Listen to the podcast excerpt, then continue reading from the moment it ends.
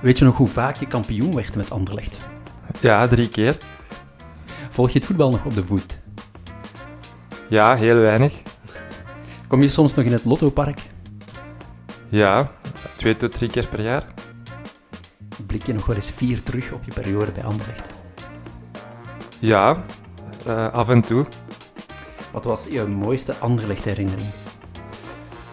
Eerste keer kampioen. Wie was de beste speler waarmee je hebt samengespeeld? Goeie vraag, heel veel. Haruna Dindan. Heb je nog contact met de ploegmaats van Waleer? Ja, met Davy Scholle. Herinner jij het interview met Jan Wouters in het tv-programma Studio 1? Ja, vaag. In het café Chantant, café Chantant. Daar krijgt u bij uw wijntje een treintje en refreintje. In het café Chantant, café Chantant. Daar heeft u voor een prik den hele avond schik. Een nieuwe Café Constant. Hey Kenny. Dag Dries. We hebben weer een, eh, een fijne gast. Een oud Anderlecht-speler die driemaal kampioen werd, de beker van België won en de Supercup. Enchanté, Mark de Man. Dankjewel. Hoe gaat het met jou? Alles prima. Ik ben blij om bij hier te zijn. We vroegen daarnet naar de anekdote over Jan Wouters. Blijkbaar is dat bij jou minder blijven hangen dan bij, dan bij de Anderlecht-supporters. Nee, allee, blijkbaar eh, zeggen jullie dat dat toch iets is wat dat tussen de supporters leeft. Maar bij mij is dat, ik, als ik me goed herinner, inderdaad Studio 1 met Frank Kraas. Ik weet dat Jan Wouters er was. Eh, ik denk dat dat na een wedstrijd was in Brugge, als ik me niet vergis.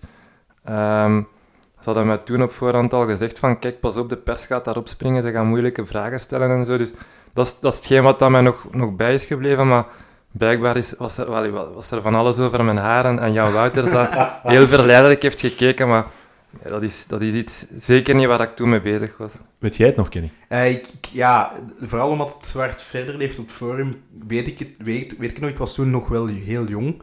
Eh, maar als je het achteraf bekijkt, snap ik wel zo de, de gespannen sfeer allee, tussen, tussen twee mannen. Dat was vreemd, dat Jan Wouters zo, eh, zo uit, allee, Misschien-. Misschien was hij ook gewoon fan van de Ja. speler Mark de Man, hè? dat kan natuurlijk ook. Eh, hoe voel jij tegenwoordig jouw dagen? Ehm, ik werk ondertussen tien jaar bij L'Oréal als vertegenwoordiger.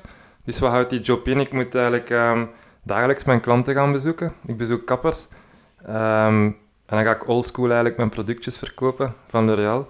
Dus eh, bij deze is dat wel iets wat dat leuk is. Ik heb heel veel sociale contacten, heel veel leuke babbels. En voor de rest ben ik eigenlijk fulltime papa van drie kinderen. Ehm, twee pubers ondertussen, twee dames die dat paardrijden. En ik heb een zoon van zeven jaar die dan ondertussen ook voetbal bij Bierbeek. Dus ehm, die heeft ook zijn bezigheden, twee keer per week training. En in het weekend wedstrijd. Dus eh, Ik ga even inpikken op Bierbeek. Ik weet, een van de laatste afleveringen had ik ehm, Mark aangekondigd als jeugdproject van Bierbeek, maar dat is eigenlijk fout. Eh, het is jeugdproject van Stormvogels Haasgroen, hè? klopt, Klopt, ja. hè? Ja. Ja, want je, je hebt wel op het einde van je carrière nog bij Bierbeek gespeeld, denk ik, hè? Ja. Maar dat was al Dat was echt eh, het ja. op het einde. Ja. einde. Trouwens, ik ben, want ik speel nu terug bij Bierbeek. Ik ben sinds dit jaar eh, terug ingeschreven als veteraan, officiële veteraan. Ehm, Zoeken jullie nog volk? Want dan kan ik mij misschien nog inschrijven. wij zoeken altijd volk, ja. Ja. Eh, Kenny, als je aan Mark de Man, de speler, terugdenkt, is dat voor jou een middenvelder? Is dat een verdediger? Of- Ik vind dat een, dat is een heel goede vraag, hè. Ehm, ik weet dat dat zo'n beetje toen het... ehm, ja, dat heeft altijd heel de vraag geweest, een beetje rond, rond Mark bij Anderlecht. Wat, wat was zijn beste plaats? Was hij nu een 6? Was hij nu een centrale verdediger? Ehm, maar ik weet dat niet. Dat is eigenlijk misschien een goede vraag voor Mark zelf. Wat, wat, waar hij zijn beste matchen vond bij Anderlecht, bij Anderlecht dan... Mijn beste matchen is, is, is misschien een... Maar mijn beste plaats, ik ben eigenlijk opgeleid als, als nummer 10. En ik denk dat bij Anderlecht dat alle spelers ergens in hun jeugd eh, ooit begonnen zijn als nummer 10. Ehm, en, en gaandeweg ben ik meer en meer naar achter gegaan. Ik heb in mijn opleiding bij Uiteverde heb ik zelfs nog rechtsbuiten gespeeld. Ehm, dat ik toen niet één jaar, maar twee jaar hoger mocht spelen. Dus dat was eigenlijk een beetje het plaats opvullen. was ook een goede leerschool. En eigenlijk bij Anderlecht heb ik ja, eh, ben ik aangenomen als, als verdedigende middenvelder, mijn zestiende. En toen dat Frankie Verkouteren mijn trainer is geworden, eh, heeft hij mij eigenlijk, om mij beter te maken, centrale verdediger, zelfs op rechtsbak gezet. Ehm, om gewoon een betere voetballer te maken. Hm. Nu, mijn beste plaats in mijn ogen was verdedigende middenvelder. Maar ik denk dat ik op dat moment gewoon voetbaltechnisch tekort kwam om, om, om daar elke week te spelen. Als basisspeler zo Als gezegd, basisspeler. ja. Ja, ik denk, ja. We gaan straks nog hebben over jouw actieve voetbalcarrière bij Anderlecht. Voor wat ik nu kan terugvinden online en zo, jij lijkt mij een beetje verdwenen uit de media en de voetbalwereld in het algemeen. Is dat iets bewust of... Goh, bewust. Ik, ik heb... eh, mis ik de voetbal? Ehm, in mijn dagelijkse leven niet. Maar als ik terug naar Anderlecht ga, heb ik wel zoiets... Ja, dan, dan krijg je terug dat warm gevoel, dat kiekengevoel. Dat, dat voelt ook echt als thuiskomen. En dan denk ik van, goh, moet- misschien moet ik daar toch iets in gaan doen. Ehm, ik zei net al, ja, ik ben papa van drie kinderen die dat toch ja, elk zijn zorg vragen. En ik ben zo iemand, ik ben echt wel een, een familiemens. En een, een papa die dat er graag wil bij zijn als de kinderen gaan paardrijden of, of, of als de kinderen of, of als mijn zoon moet gaan voetballen. En ik weet, als ik, als ik terug in de voetbal ga, ga, ga springen, en zeker in het professionele voetbal, dat je eigenlijk bijna elke dag overdag, s'avonds weg bent en zeker in het weekend. Dus dat is iets over na te denken, misschien niet voor nu, voor morgen of voor overmorgen, maar dat blijft wel spelen in mijn achterhoofd. En dan wat denk je dan specifiek? Trainer of iets soortgelijks? Of? Ga trainer, ik heb mijn diploma's. Ik heb mijn, als, toen ik nog voetbal speelde, heb ik mijn UFAB en UFA-diploma behaald. Dus wat dat, allee, wat dat betreft zou dat wel kunnen. Ehm, maar dat is iets wat ik nog moet, moet uitzoeken, wat ik moet ervaren. Ik weet niet of ik zin heb om constant echt een ploeg uit te hebben om die voorbereidingen te doen. Dus als ik iets zou doen, zou het eerder als T2 zijn. Ik weet ook niet op het hoogste niveau als T2 om bijvoorbeeld bij Bierbeek ehm, de ervaring dat ik heb opgedaan om die te kunnen delen. Ehm, en eventueel als scout, omdat ik, dat ik wel denk dat ik weet wat, dat, wat dat bepaalde jeugdspelers nodig hebben. En omdat ik dat ook wel leuk vind om, om naar wedstrijden te gaan kijken. Volg jij Anderlecht nog specifiek? Je zei daarnet bij de voorronde vraagjes, ik ga wel een paar keer per jaar kijken, maar ik denk niet dat jij thuis met een paarswitte sjaal voor tv zit te wachten elke zondag. Zeker niet in de competitie. ik, als het Europees is en als, als het mij uitkomt, dan, dan durf ik wel eens te kijken op tv. Ehm, Dat is lang geleden. Dat is al lang geleden, maar goed. allee, Ja, ik- Mark, allee, even, Steven had, ehm, ehm, hij is hier nu niet, maar Steven had gezegd van, dat hij meeging naar Ham met een bus. Ondanks de zwakke resultaten heeft hij nu afgehaakt. Het is een beetje een successupporter. Dus als je wilt, er is nog plaats een bus naar West Ham. Hè. Het kan altijd. eh. ik wil wel eens meegaan. Ik denk dat dat een hele ervaring is en dat dat, dat, dat, is, dat dat leuk is. Maar nee, ik ga daar verpassen. Ik zeg het, die, die, die voetbalmicroben is op, op dit moment een beetje slapend. Het is, het is wel zo dat ik, dat ik elke week kijk wat hebben ze gedaan. Ehm, maar als je mij nu zou vragen wat is de basisopstelling van Anderlecht, moet ik daar een pasvraag op geven. Ehm, maar ik zeg altijd, ik heb paars bloed, dus dat is wel iets dat blijft leven. Bij Café Constant zijn er al eh, allerlei gasten gepasseerd. Philip de Wilder onder andere, Ariel Jacobs. En die gaven wel aan hoe dat met Anderlecht gegaan is de voorbije maanden. Dat deed mij als oud-speler of oud-trainer, dat deed wel zeer. Tuurlijk doet dat pijn. Ik, ben, ben opgegroeid als kind en ik ben eigenlijk groot geworden als supporter van Anderlecht. Ik heb mijn droom kunnen waarmaken om, om bij Anderlecht te kunnen spelen. Ehm, dus tuurlijk doet dat pijn. Als je ziet, vroeger was het niet eens kwestie van kampioen spelen. Wij speelden eigenlijk kampioen. En was het kwestie van, gaan we Champions League spelen of niet? En was het ook niet van, nu halen ze Europees voetbal en iedereen is super blij. En dat wordt precies gevierd als een, een, een kampioenenfeest. Gelijk hebben ze, omdat het nu al zo lang geleden is. Maar vroeger was dat echt een kwestie van: oké, Champions League ja of nee. Dus kampioen spelen we sowieso. Dus tuurlijk bloedt mijn hart. Eh, maar goed, ik denk dat ze aan een weg aan, het- aan het eh, timmeren zijn. Dat ze op de goede weg zijn. Dat zal niet van vandaag op morgen veranderen. Maar ze hebben nu al een eerste stap gezet door, door dat Europees voetbal te halen. En, Had jij contact met Company toen hij bij Anderlecht trainer was? Of? Eh, het is niet dat ik eh, dagelijks contact had met, met, met Vincent. Of, maar, maar goed, ik ben een paar keer op Anderlecht terug geweest. En het is ook niet dat ik specifiek vroeg van... Ik ben niet de speler of, of de persoon dat, dat gaat zeggen van... Ja, is Vincent daar of is die daar? Maar toevallig eh, kon dat wel eens zijn dat we elkaar kruisten. Dan is het altijd een leuk weerzien. Want je hebt toch lief en leed gedeeld in de kleedkamer. En je leeft toch elke dag samen. Dat is, dat is eigenlijk... Vroeger gingen we naar school en, en was je elke dag samen. En, en, en, en, en als ik bij Anderlecht speelde, was dat ook eigenlijk, ging dat elke dag werken tussen aanhalingstekens. En ehm, waren we niet alleen collega's, maar eigenlijk ook vrienden. En deelden we niet alleen de voetbalmomenten, maar waren er ook momenten waarbij dat we privé eh, eh, momenten delen. Dus ehm, wat dat betreft is, als je ex-colle- ex-collega's tegenkomt, is dat wel altijd een leuk weerzien. Het is niet zo dat jij in de jeugd van Anderlecht hebt samengespeeld hè, met Vincent Company? Ehm, ik heb met de jeugd, als tweede elftal, als dat nog jeugd is, denk niet echt, maar ik, ik ben, ben aangekomen op mijn 16e bij Anderlecht. Ik denk dat Vincent toen, zou het eigenlijk niet weten, misschien 11, 12 jaar was. Of, Ehm, toen was hij echt nog wel een jeugdspeler. Mm, ik wist natuurlijk wel dat er een ongelooflijk groot talent speelde bij de jeugd. Maar we hebben Daar werd dan wel over gesproken, enkele jeugdcategorieën hoger, van amai, daar loopt iemand rond die... Zeker, ja. Want. Eh, Ik, ik heb zelf, ik ben op mijn 16e, 16e aangekomen bij Anderlecht. Ik ging toen op internaat en eh, het gebeurde sowieso, dat we wedstrijden zagen van de jeugd en, en dat, dat, dat, dat ze zeiden van ja, hier loopt een ongelooflijk talent en dat je daar dan ja, een beetje naar opkeek van ja, maar de die, die kan wel shotten. en zoveel jaar, la- zoveel jaar later komt er dan eigenlijk, ja, komt dat talent in de kleedkamer dan, dan bij de reserve en, en zo is dat dan eh, verder gegroeid. Ik zei daar juist, we hebben al gesproken met een Ariel Jacobsen en Philippe de Wilden enzovoort.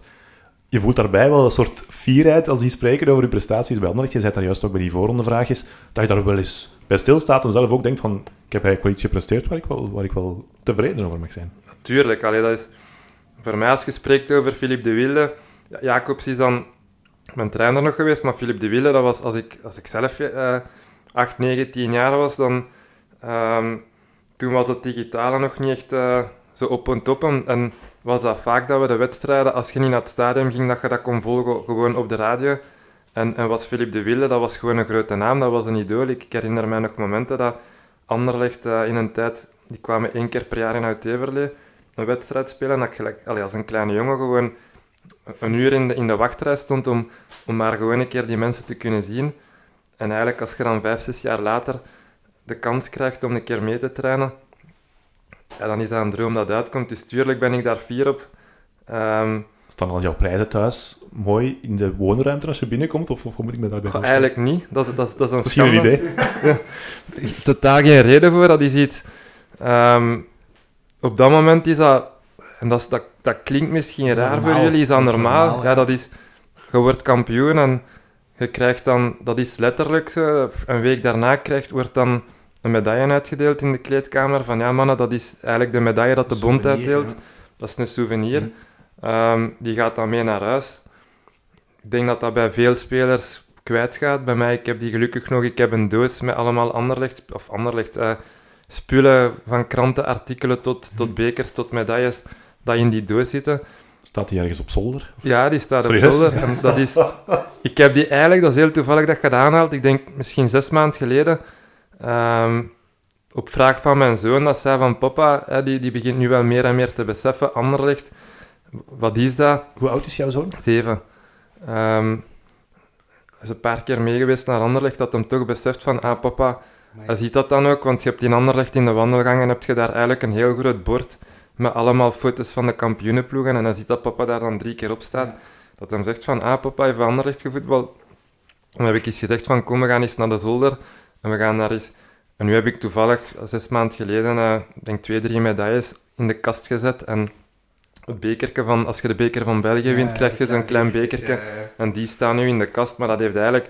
Zeg het, ik ben 39 jaar, dat, dat heeft 10 jaar onder een, een, een laag stof van 10 centimeter, bij manier van spreken. Dat, ik ben niet iemand echt sentimenteel eh, op materiaal. Bij mij zit dat in mijn geheugen, in mijn hart. Ik ben daar super trots over. Ehm, ik ben niet iemand dat daar heel vaak over gaat praten, tenzij op, op momenten gelijk nu, of, of momenten, een keer dat, dat, dat mensen daarna vragen. Ik kan me voorstellen, als je bij jouw klanten komt, wat je daarnet zei, dat die wel denken, ah, Mark de Man, stapt hier even mijn kapperszaak binnen. Ja, ja dat, dat, dat gebeurt wel. Ehm, de meeste mensen ehm, vragen daar niet meteen naar. Dan, als je de klanten beter leert kennen, Of het is een Anderlecht supporter die dat... of een Anderlecht supporter.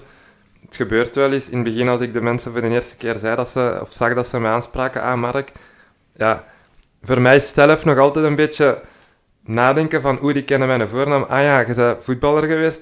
Maar voor mij is het, spelen bij Anderlecht, dat was... Je bent een publiek figuur uiteindelijk, maar ik heb dat nooit zo ervaren. Ik heb altijd... daar- Ik ging trainen, ik speelde mijn wedstrijden. En twee uur na die wedstrijd eh, kon dat goed zijn dat ik gewoon in mijn training eh, een pita ging halen in, in, in, in, in eh, de pita-bar. Ja. Terwijl dat, dat eigenlijk ja, heel onlogisch klinkt en ik stond ik gewoon onder de mensen. En voor heel veel mensen is dat op dat moment een soort van held, een, een, een onbereikbaar persoon, maar ik heb dat nooit ge- zo ervaren. Het grappige is, eh, toen als Philippe de Wilde langskwam in de studio, hadden wij ook zoiets van, ja, maar wij waren een beetje, ja... Philippe de Ja, Wilde. je hebt Ja. altijd iemand... Ja, dat is normaal. Wij, maar, nu dat ook, ja, ik, in één keer staat Mark de man hier voor de deur, ik kom ook toegereden met een auto, ja... Allee, dat is gewoon grappig, maar wij als jonge kitten dat meemaakten. Maar Philippe zei eigenlijk juist hetzelfde. Ik was eigenlijk ook altijd bereikbaar. Dus, en voor ons lijkt dat zoiets onbereikbaar. Maar voor jullie, ja, ik kan dat wel begrijpen. Philippe zei dat ook. Ja, ik was eigenlijk tijdens mijn carrière ook heel bereikbaar. Zo. Dus dat is zoiets dat... Ik vind dat cool dat jullie dat zeggen. Ik denk dat dat nu veel meer is dan vroeger. Nu wordt het allemaal afgeschermd. En allee, ik denk niet dat, dat als, als nu twee uur na de match een kebab moet gaan halen aan het stadion daar ergens. Want ik denk dat het daar gewoon chaos is dan. Eh, maar dat is allemaal... Vroeger kon ik ook gewoon aan een training komen. Hè. Ik, kon, ik heb nog een, een foto van u thuis liggen met een handtekening van Mark de Man. Ja. Ik kon met uw kaartjes. Ah, Zetterberg. Ah, Mark de Man. Ah, Bassetcho. Hè. En dan als jonge gast, maar dat gaat allemaal niet meer nu. Dat is allemaal zo afgeschermd en zo geregeld, dat dat eh, veel moeilijker is. Hè? Het, het, is, het is echt bizar. Nu, Philippe de Wilde is een persoon dat ik bewust heb meegemaakt ook. Dat, dat die, eh, een van de eerste keren dat ik meetrainde met, met Anderlecht, was Philippe toen, toen ook keeper. En ik, herinner mij dat ook nog. Ik weet niet dat jullie Maarten Martens nog Ja, kennen. tuurlijk. Ja. ja. Ook een jeugdspeler die dat jaar en dag of bij Anderlecht heeft gespeeld. En die speelde niemand door de benen. En Philippe kwam dan met twee, voet, allee, met twee benen vooruit uit. En die gaf echt een waarschuwing van, doe dat nog één keer. En dan zijn die twee benen gebroken. En wat dat ik nu probeer te zeggen is, daarna in de kleedkamer zegt je niet de wilde. Dan is dat ook van, gelijk dat jullie, of dat we allemaal, dan spreekt je die persoon aan met een voornaam. Ah, Philippe, ehm, kunt je mij dat eens geven? Of, en dan, het onbereiken is in één keer realiteit. En dat is zo raar. Hmm. Dat is, die mensen gaan ook allemaal gewoon Dat wc, dat wc. Die, mensen Ja, hebben ja, ook waar. allemaal, tussen aanhalingstekens, leuke momenten en minder leuke momenten. Die hebben ook emoties. Hm. Ik heb mensen of, of, of collega's eh, gekend dat ook eh, aan het wenen waren, omdat het misschien thuis een keer minder goed ging. Of, en dat is iets wat dat mensen denken, dat zijn allemaal superhelden, dat zijn allemaal Toby, mega-Tobies en weet ik veel wat, die dat goed kunnen voetballen. Maar Ja. of, of op een wedstrijd, en uiteraard, er zijn altijd hoge verwachtingen als ze naar een wedstrijd komen kijken, maar achter elke persoon schuilt ook een emotie. En als er een keer een minder goede wedstrijd is, kan dat ook zijn dat die eh, s s'morgens vertrokken is of de dag ervoor met een, een beetje bagage op zijn schouders. Of ziek, of slecht geslapen, of, of... Ja, dat is waar. Dat zijn allemaal zaken die meespelen, hè. dat snap ik wel. Dat, Yes. eh, We gaan eh, een beetje grasduinen door jouw voetbalcarrière bij Anderlecht. Kenny zei het er juist al, je hebt gespeeld in de jeugd bij, bij Haasrode Racing, eh, Racing Jet Waver. De Zwarte Duivels Oud Hevelee heb ik online nog teruggevonden. Had jij als kind, beginnende tiener misschien al door, ik ga hier wel profvoetballer worden? Nee, ik, door, door nooit. Ik had, ik ben... eh, ik had vroeger twee dromen. Dat was één, eh, profvoetballer worden. En de tweede was ja, F-16-piloot worden. Mijn papa was F-16-piloot, dus dan, dan dacht ik van ja, ik zal maar voor het tweede gaan, ja, profvoetballer worden. Maar dat is iets, dat is ook weer zoiets onbereikbaar, dat is iets onmogelijks. Maar ik, ik was wel, ik, ging, ik stond op en ik ging slapen met een bal. Mhm. Eh, mijn ouders hebben het voetbal altijd afgehouden, van ja, je gaat niet voetballen. Ehm, als ik me toen, vroeger kon, kon je van je zesde gaan voetballen, dat was dan duiveltjes. Ik ben pas begonnen bij de premieniemen. amai. Ehm, ik heb, voordat ik ben begonnen, Voor de jongere luisteraars, premieniemen was ongeveer welke leeftijdscategorie? Dat is... eh, Acht jaar, denk ik, ja. Oké. Als u, u acht nu zal Ja, zijn. zoiets, ja. Ehm, maar ik had wel zo een keer een voetbalkampje gedaan, hier een beetje verder. Ik Denk in, eh in Rotselaar of zo. Ehm, en toen was er iemand, Koen Mercier, dat was mijn toenmalige trainer, of die, die, trainde toen de, de van Aastrode, en die zei van, ja, u wil ik hebben. En toen zijn mijn ouders eigenlijk ja, een beetje gekraakt en ben ik begonnen bij Aastrode. en eigenlijk is dat sindsdien alleen maar crescendo gegaan. Is dat, ik ben bij Aastrode begonnen inderdaad twee jaar en, en, en twee jaar daarna ging ik dan naar de grote Zwarte Duivels. En heeft u, eh, heeft uw pa zelf gevoetbald of zo vroeger? Of nee, niet? totaal niet. Mijn, pa- Totaal mijn niet. papa is totaal niet sportief. als, als, als je bij hem over sport praat, is dat... eh, ik denk dat pingpong het, het meeste... En misschien zwemmen. Ja. Dat hij voor zijn, voor zijn pilotenopleiding moest goed kunnen zwemmen. Ehm, maar wij Dat zijn totaal geen sportieve Ja, familie. dat, is, dat is gek, hè, dat je zou denken dan, als je, ook als je zo laat begint, dat je toch ergens al in de familie een technische achtergrond of zo hebt. Eh, Ik had bijvoorbeeld, als ik in de ploeg, in de, in de buurt bij ons, mij inschreef in een ploeg, zei altijd, maar je zet er zo'n van. Want onze pa een redelijk goede zaalvoetballer geweest is. En eh, dat was dat, amai, we schrijven in de goeie in. Ja, vind dat achteraf dan altijd een beetje tegen. Ik kon het zeggen, die genen worden niet per se Ja, was- doorgegeven. ik was dan de, de trage verdedigende versie, onze pa was de snelle aanvaller, dus ja, dat was een beetje... Maar, Maar, ja, in sommige gevallen is al bewezen dat dat wel zo is, Ja. maar in mijn geval was dat totaal niet zo. Ik heb, ik heb het echt moeten... Uiteraard is daar een beetje talent, of, of moet er talent zijn. Maar ik heb, dat, ik, ik heb uren en uren op bepaalde dingen getraind in Ja. de tuin, op straat, tot, tot vervelings toe van mijn buurjongens. Van ja, wat gaan we doen? Eh, Shotten. in het begin was dat shotten, daarna was dat van, ging evolueren dan we gaan naar de meisjes kijken en daarna was dat op stap gaan, maar bij mij was dat altijd voetballen, Ja. voetballen, Ehm, Je hebt dat nooit gezien als een opoffering of zo. nee, dat was echt, voor mij was dat ontspanning, plezier maken. Sommige jongens, eh, ik zeg het, op bepaalde leeftijden gaan niet op stap en voor mij was dat, tuurlijk, eh, ik denk dat er een cruciale leeftijd is tussen 16 en 20 jaar, vond ik het ook wel eens leuk om, om, om, om een keer te kunnen zeggen, ah, we, gaan naar- we gaan op dat markt een pint drinken. Ehm, maar toch, in het achterhoofd was het altijd van, ja, niet te laat, want ik moet morgen gaan voetballen. Ja. Het ging daar juist over jouw positie bij de jeugd. Ik denk dat je gezegd hebt dat je eigenlijk een tien was. Ehm, ja, gelijk dat ik ook al zei, ik denk dat bij Anderlecht dat de, dat, dat de elf spelers dat, eh, op het veld dat er daar negen nummer 10's van zijn, dat puur qua opleiding, dat iedereen, Zeker in de jeugd, hè. ja, zeker bij de Ze jeugd, halen dat, overal de beste 10 of de beste 7 weg. En, Ja. ja. en dan maken ze daar wel iets van, hè. Zo, Dat is, dat is zo, ja. ik, heb, ik heb jongens gelijk Olivier de Schacht, dat is ook nooit, een, een link, allee, bij de jeugd was dat geen linksbak, als ik mij goed herinner. Linksbuiten, nee? Pff, ja, ik weet ook niet. Het was in ieder geval geen verdedigende speler. En dan kijken ze gewoon. Hè. De, de, de minst goeie gaan, gaan een rij achteruit. En ik ben helemaal van achter. Allee, de voorlaatste rij geëindigd, dus niet in de goal. Maar goed, allee, ik wil... ja, ik ben super fier dat ik bij Anderlecht heb kunnen voetballen. En, en niet zomaar bij Anderlecht. Ik heb uiteindelijk, denk ik, negen jaar bij Anderlecht gevoetbald. Dus ik ben daar super fier op. Ehm, En terecht. Jazeker. Anderlecht kwam aankloppen in 98, dacht ik. Je was toen 15 jaar. Hoe ging dat in die tijd? Zijn die gewoon naar jou gekomen, naar jouw ouders? Ja, hoe ging dat in een tijd eigenlijk? Ehm, van het moment dat ik, denk op mijn tiende, kwam... Ja, elk jaar was er eigenlijk wel een ploeg. Was dat, eh, dus ik speelde bij de Zwarte Duivels. Uit Everlee kwam elk jaar KV Mechelen, Sint-Truiden, Standaard en Anderlecht. Alles Dus de elk jaar, buurt, de ja. meeste ploegen uit de buurt kwamen elk jaar aanbellen of, of aankloppen. Van ja, dan kreeg ik soms brieven thuis. Of, eh, in het geval van Anderlecht weet ik dat nog goed. Ik denk dat ik 15 jaar was inderdaad. En ik had een redelijke wedstrijd gespeeld in Uit-Everle en opeens kwam ik uit de kleedkamer en stond er daar een oudere man en zei die van, ja, eh, is uw papa hier? Ja, mijn papa is hier. En dan, ja, voilà, hier. En, en zo gaat het dan. En Weet dan je nog wie, ja, wie, wie dat was? Weet je dat nog? Nee, geen idee. ik, ik zie hem zo nog voor mij, maar ik kan de naam niet meer herinneren. Die, je Ehm, had geen makelaar die naast jou aan tafel Totaal niet, een makelaar, dat was...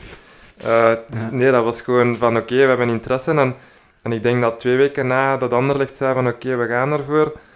Dat weet ik ook nog goed. Dat was, hadden we een midweekmatch met de Zwarte Duivels, in, denk in Sint-Agatha-Rode.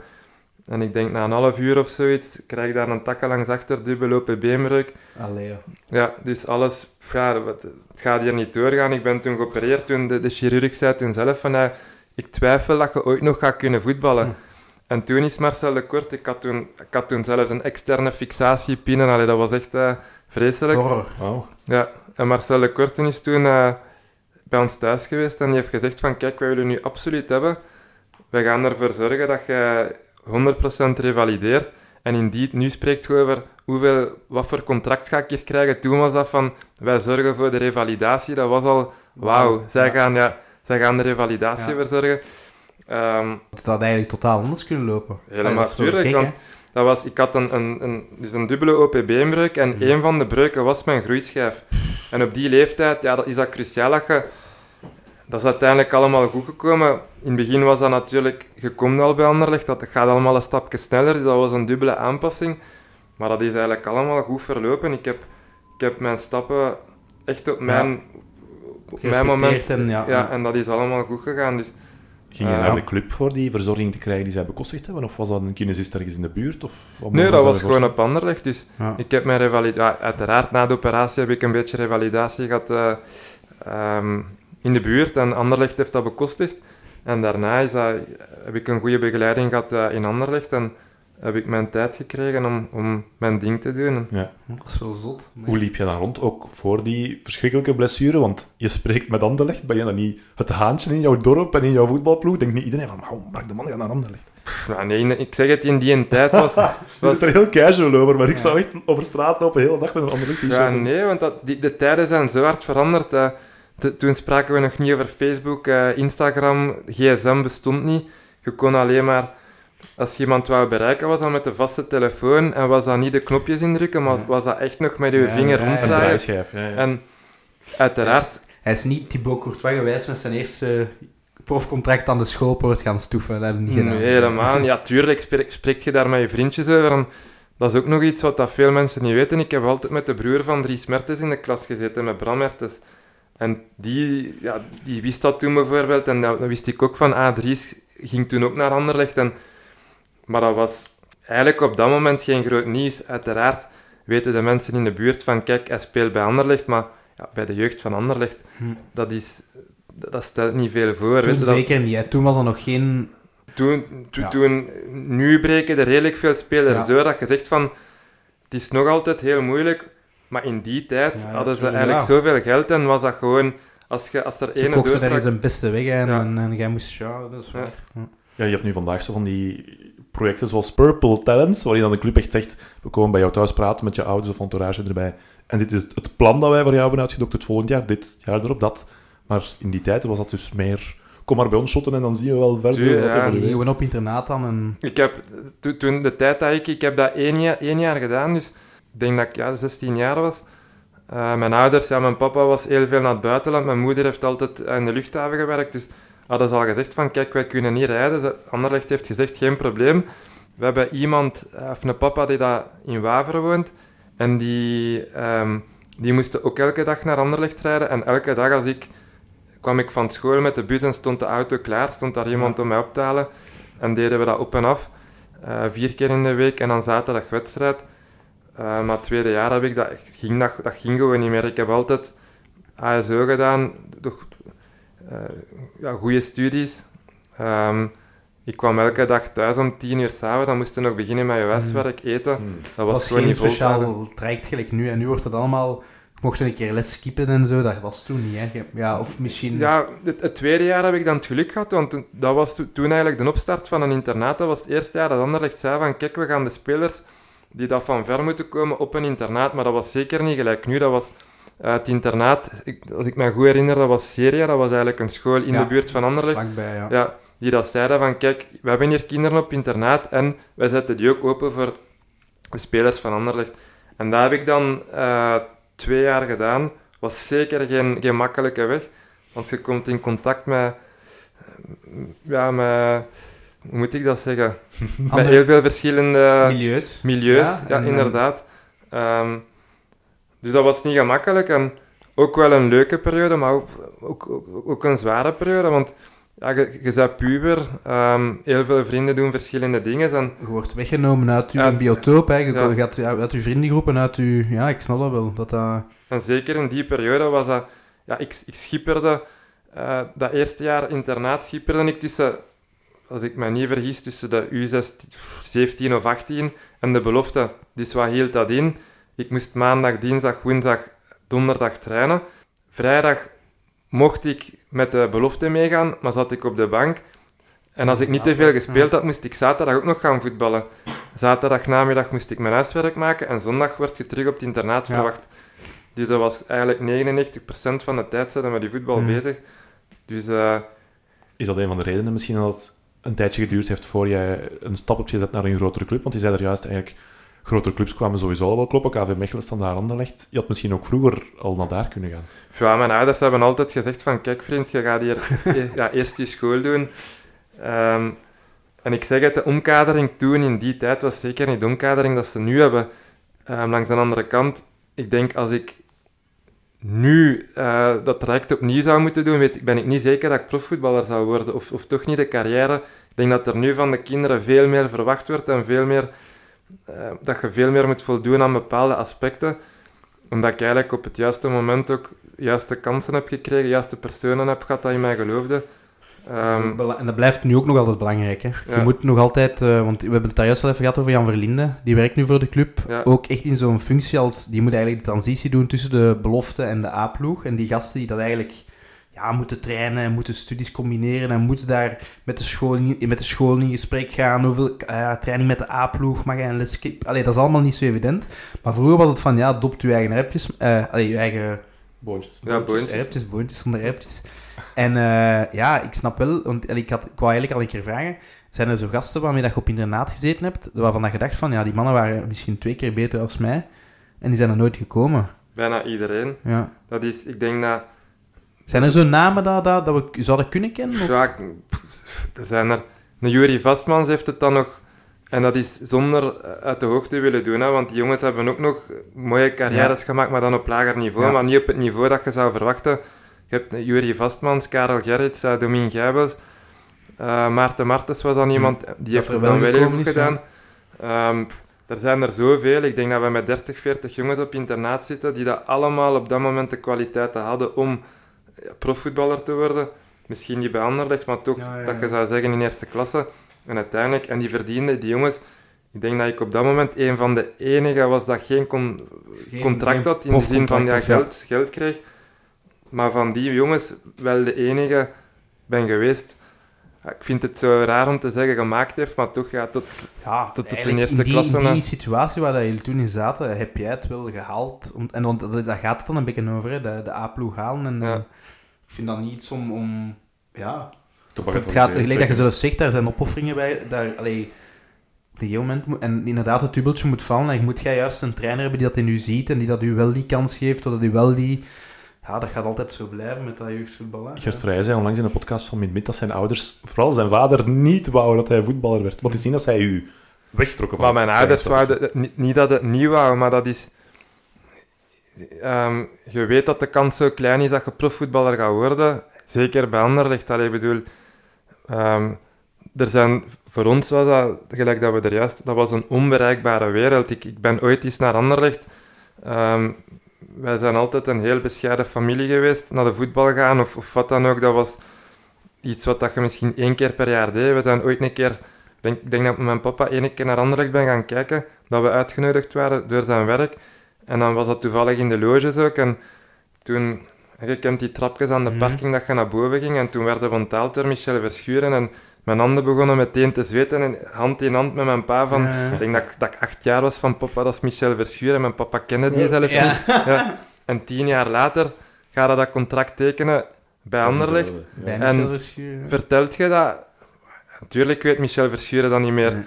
Maar dat zijn wel dingen, ja, dan komen echt, dat, dat zijn, dat zijn dromen dat uitkomen. Het is een beetje een sprookje eigenlijk, hè, als je dat zo hoort. Voor mezelf wel, ja. Ik, kan, kan me inbeelden. Ik kan dat begrijpen als jonge gast. Allee, dat, allee, ik, kan, ik kan zelfs op een, op een lager niveau als voetballer, en dat is nu een heel rare vergelijking, maar als je zelf als, als jonge gast een keer wordt meegenomen voor de eerste ploeg, dat is maar een stom voorbeeld. Hè. Ik heb ook in, in tweede en derde provinciale geschot, en dat was het ook al speciaal van, amai, of ik mag hier meetrainen met, met de A-ploeg. En dat is dan maar op een... een ik weet, bij Kampenhout mochten wij dan mee met de beloften in vier nationalen. En dat was, amai, mag hier mee met de reserve op ah, in nationale. En dan met Jan Verlinde kwam dan terug uit bestuur. Maar ik zit hier samen met Jan Verlinde in de kleedkamer. Dat is dan op een niveau dat je niet kunt... Dat gaat over niks, bij wijze van spreken. Kan ik me wel perfect zijn gevoel begrijpen. Dat dat... eh, Tuurlijk, ja, dat, is op, dat is ieder op zijn niveau. En ik had dat, dat is begonnen van Haasreude tot uit tot Racing Jet terug uit Everlee en Anderlecht. En van het een komt het ander. Ehm, en gerold daarin. Ja, dat is... Dat is eh, ik wil het nu ook niet overhypen, maar ik had wel één doel in mijn leven en dat was eh, profvoetballer worden en dat is gelukt. In, eh, in 2002 neemt Hugo Broos jou op in de A-kern. Het is niet zo, denk ik, dat er toen elk jaar x aantal talenten doorstroomden naar, naar de eerste ploeg. Toch zeker niet zoals dat vandaag het geval is. Je moet er bij de jeugd en ik vermoed bij de reserve wellicht bovenuit gestoken hebben om dan die kans te krijgen.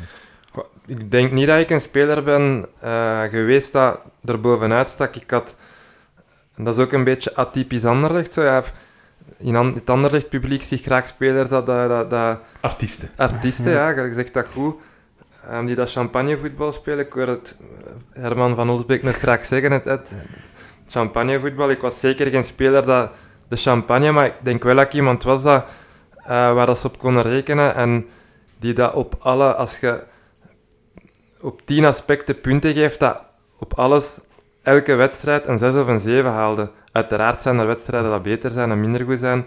En dat is misschien niet hetgeen wat dat een, een, publiek graag ziet, maar ik weet wel, dat, dat, is mij toen ja, in een tijd ook verteld geweest, van de trainer wist wat dat aan mij had. Hij wist van, kijk, als, als ik dat aan Mark vraag, gaat hem dat doen. Ik heb wedstrijden gehad dat ik in de krant bijvoorbeeld werd afgemaakt, dat je mij niet zag. Maar dan kreeg ik bijvoorbeeld de opdracht van de trainer van, kijk, als verdedigende, mid, verdedigende middenvelder ga, ga jij vandaag zien dat in dat geval hun tien, dat die geen bal aanraakt. En ik moest die gewoon de hele tijd spiegelen. En dan had ik een goede wedstrijd gespeeld. En het publiek, ja, of de kranten zeiden, of de journalisten, we hebben hem niet gezien. Maar ik had die taak wel... Je hebt die job wel gedaan zoals het Ik heb die u job gedaan.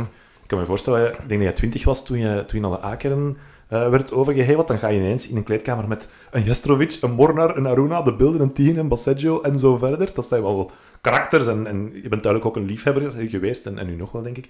Eh, je voelt al sinds wel de liefde als je erover babbelt. Ik kan me voorstellen, je bent ergens nog misschien een beetje supporter slash fan. Als je daar binnen wandelt en ineens zit je tussen die mannen. Ja, dat klopt. Dat is, dat is, dat is even... eh, in- Starstruck of, of hoe gaat het? ja, even... Dat is... De eerste keer dat je meetraint, is dan natuurlijk van, ja, ik sta er tussen die mannen, je hebt zenuwen, en, en... maar je mocht dat ook niet laten zien, want dan, dan kom je misschien onzelfzeker over, en dan, als je de bal wilt, dan moet je echt gaan zeggen, ja, Walt, of, Ja, of ja, ja, ja. Danny, of, of Philippe, of... Dat, dat is precies onrealistisch. Maar gelijk dat ik er straks ook al zei, dat zijn ook allemaal gewoon maar mensen, en...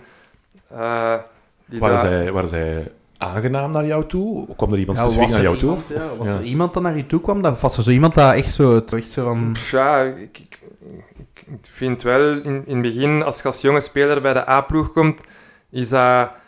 Ik ga niet zeggen dat ze je zien als, als, als bedreiging, want dat zijn allemaal sterren, maar toch, ja, in het begin moet je mannetje staan en, en, en ga je eigenlijk respect afdwingen door, door te doen wat dat je moet doen. Ehm, ik kan nu niet zeggen, de eerste wedstrijd dat ik heb gespeeld heb, weet ik nog bijvoorbeeld een Glenn de Boek die dan naar u komt, of, of andere spelers dat zeggen van kijk, dat komt hier allemaal goed, we gaan dat samen doen. Je staat er niet alleen voor.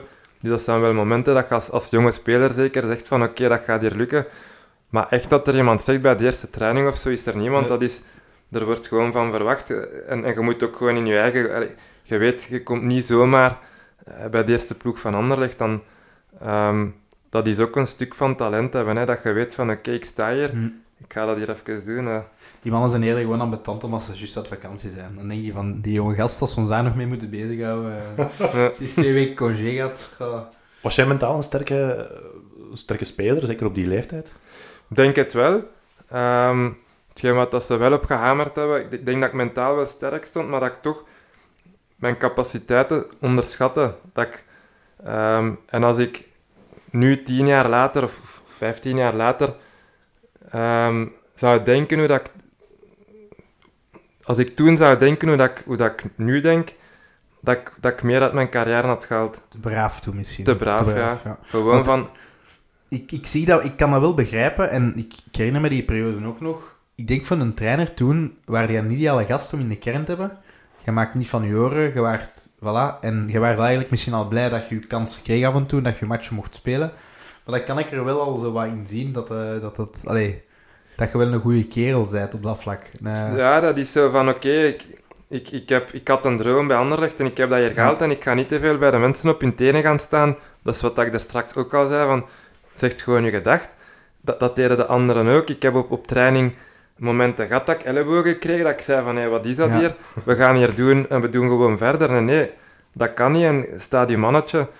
En dat is wat ik nu toch... de Wielen zei eigenlijk het omgekeerde. Hè? Die zei van, ik had beter af en toe wat meer met de mond gehouden, dan, eh, dan, dan had ik misschien daar eh, meer profijt uit gehaald. Ja, dat is ergens, ja. Maar ik vind Philippe, Philippe vergelijken met mij. Bij mij is dat... Ik heb... Philippe is... Allee, die, die heeft Ja, bij Anderlecht gespeeld, maar dat, dat, was, dat, dat was Top. echt van een ander kaliber. Ja, dat was, ja. Ehm, Snap ik wel. maar ook gewoon soms op het veld een keer meer durven. Van kijk, eh, in plaats van een pas te geven, een keer gewoon egoïstischer te zijn. En er zijn momenten geweest dat je achteraf een wedstrijd analyseert en dat je zegt van kijk, ik had misschien die goal kunnen maken. En dat je dan een keer ook mijn pluim gaat lopen. Dat je zegt van kijk, Mark de Man heeft hier, terwijl dat, dat toen altijd iemand anders was. Maar goed, ik heb op nogmaals, allee, ik, ik ben super blij. Ik, ik, heb bepaalde keu- ik heb bepaalde keuzes wel gemaakt. Het is goed dat je dat nu zegt, hè. nu mag je dat. Nu moet je daar een keer over doorgaan. Dan moet je daar gewoon niet excuseren. ja, nee. Wat is mooi dat je Ja, telkens bijna super... excuseert Ja. van... Maar ik ben ook wel gewoon fier dat ik dat bereikt heb. Het is, duidelijk ja. spat het er nog wel vanaf bij Ik jou. vind dat Dus ook- Ja, ik vind dat neig. In, in 2002, 2003, het seizoen waar we het net over hadden, debuteerde je ook als basisspeler, meteen naast, naast toch ook wel een Anderlecht-icoon, Walter Basseggio. Eh, hoe was jouw relatie met hem specifiek? Het is ook ja, een Franstalige, ik weet niet in hoeverre dat, dat meespeelt.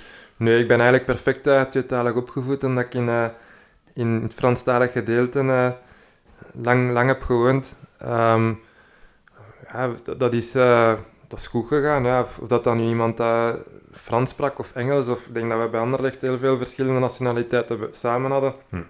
En dat dat op zich niet veel uitmaakte. Maar ik even over Walter Bassetjo een vraag stellen. Ehm, was hij mentaal niet te braaf ook? Of te broos? Ehm, als ze hem speelde, dan was alles goed. Ja. Walter was wel iemand dat heel vaak kon klagen en het was nooit zijn eigen fout. het was altijd iemand anders zijn fout, dat is wel waar. Ehm, maar ik denk dat de talenten van Walter, ja, dat Ja, maar daar... dat wordt toch achteraf zo gezegd, dat, hem, dat, hem, dat Walter veel kritiek, heel gevoelig was aan kritiek. En, Dat en, klopt, ja. Ja. Maar pas op, dat is dat kritiek Dat was ook niet dat- altijd gegrond, hè. pas op. Hè. niet altijd gegrond, maar dat doet wel iets met, met een persoon. Ik herinner mij dat ook. Ik had spelers die dat hele wedstrijd tien slechte ballen konden geven en daar werd niet op gegrond. En dan had je andere spelers die dat na vijf minuten, ja, dat je voelt van ja, het is hier wat moeilijk, ik heb twee slechte ballen. Het was eh, alles wat dat je deed, ook al was de rest van Ja. je wedstrijd goed, dat Ja. was toch niet goed genoeg. Ik heb, maar ik, heb eh, zo iemand, Seol bijvoorbeeld, Ja. daar heb ik ook mee samengespeeld. Ja, hè. klopt, ja. Die werd afgemaakt. Lovray, Lov- ook zo Wel, iemand. Lovray- Ja. Seoul vond ik wel heel... Als je daar nu over nadenkt, vond ik dat heel schrijnend. Want dat was eigenlijk een hele goede voetballer. hè. Dat was een hele goede Maar voetballer. die, eh, om de een of andere reden had het publiek het daar niet voor. En, en dat is ook uit die periode, hè. ik weet dat nog goed. Maar ze- Ja. Voor iedereen, ik weet niet dat jullie die wedstrijd nog... eh, bij mij is dat nog in mijn geheugen allee, gegrift. Dat is die wedstrijd dat we thuis spelen tegen Benfica. Ja, Voorronde, we komen 0-2 achter, denk ik. Boekarest. Of Boekarest. Ja, 0-2, ja. En dat we winnen dat drie... Zetterberg terugkomt. Nee, of? Ja, ja, dat jaar, ja. ja. Seoul. Tweede helft Ja. valt in en... Maar toen scoort Seoul daar wel ook... eh, Ja, ja, ja. Ook en- ik heb Jelle van Damme werd in het begin uitgefloten. Daarna was het... eh, en dat is een beetje jammer. Maar dat, dat moet, daar moet je ook mee om kunnen. Gespeeld bij Anderlecht, Ja. dat is op dat moment de club van, van België. Dat moet, en dat is iets... Dat maakt ook het verschil tussen een goeie en een hele goeie. Dat je niet alleen talent hebt. Talent is niet alleen hetgeen wat dat je met je benen kunt, maar dat is ook wat dat er in je hoofd zit. Hoe kun je met de druk omgaan? En, komt ook wel bij dat bijvoorbeeld een Jelle van Damme, als er een camera na de match stond, stond hij ervoor.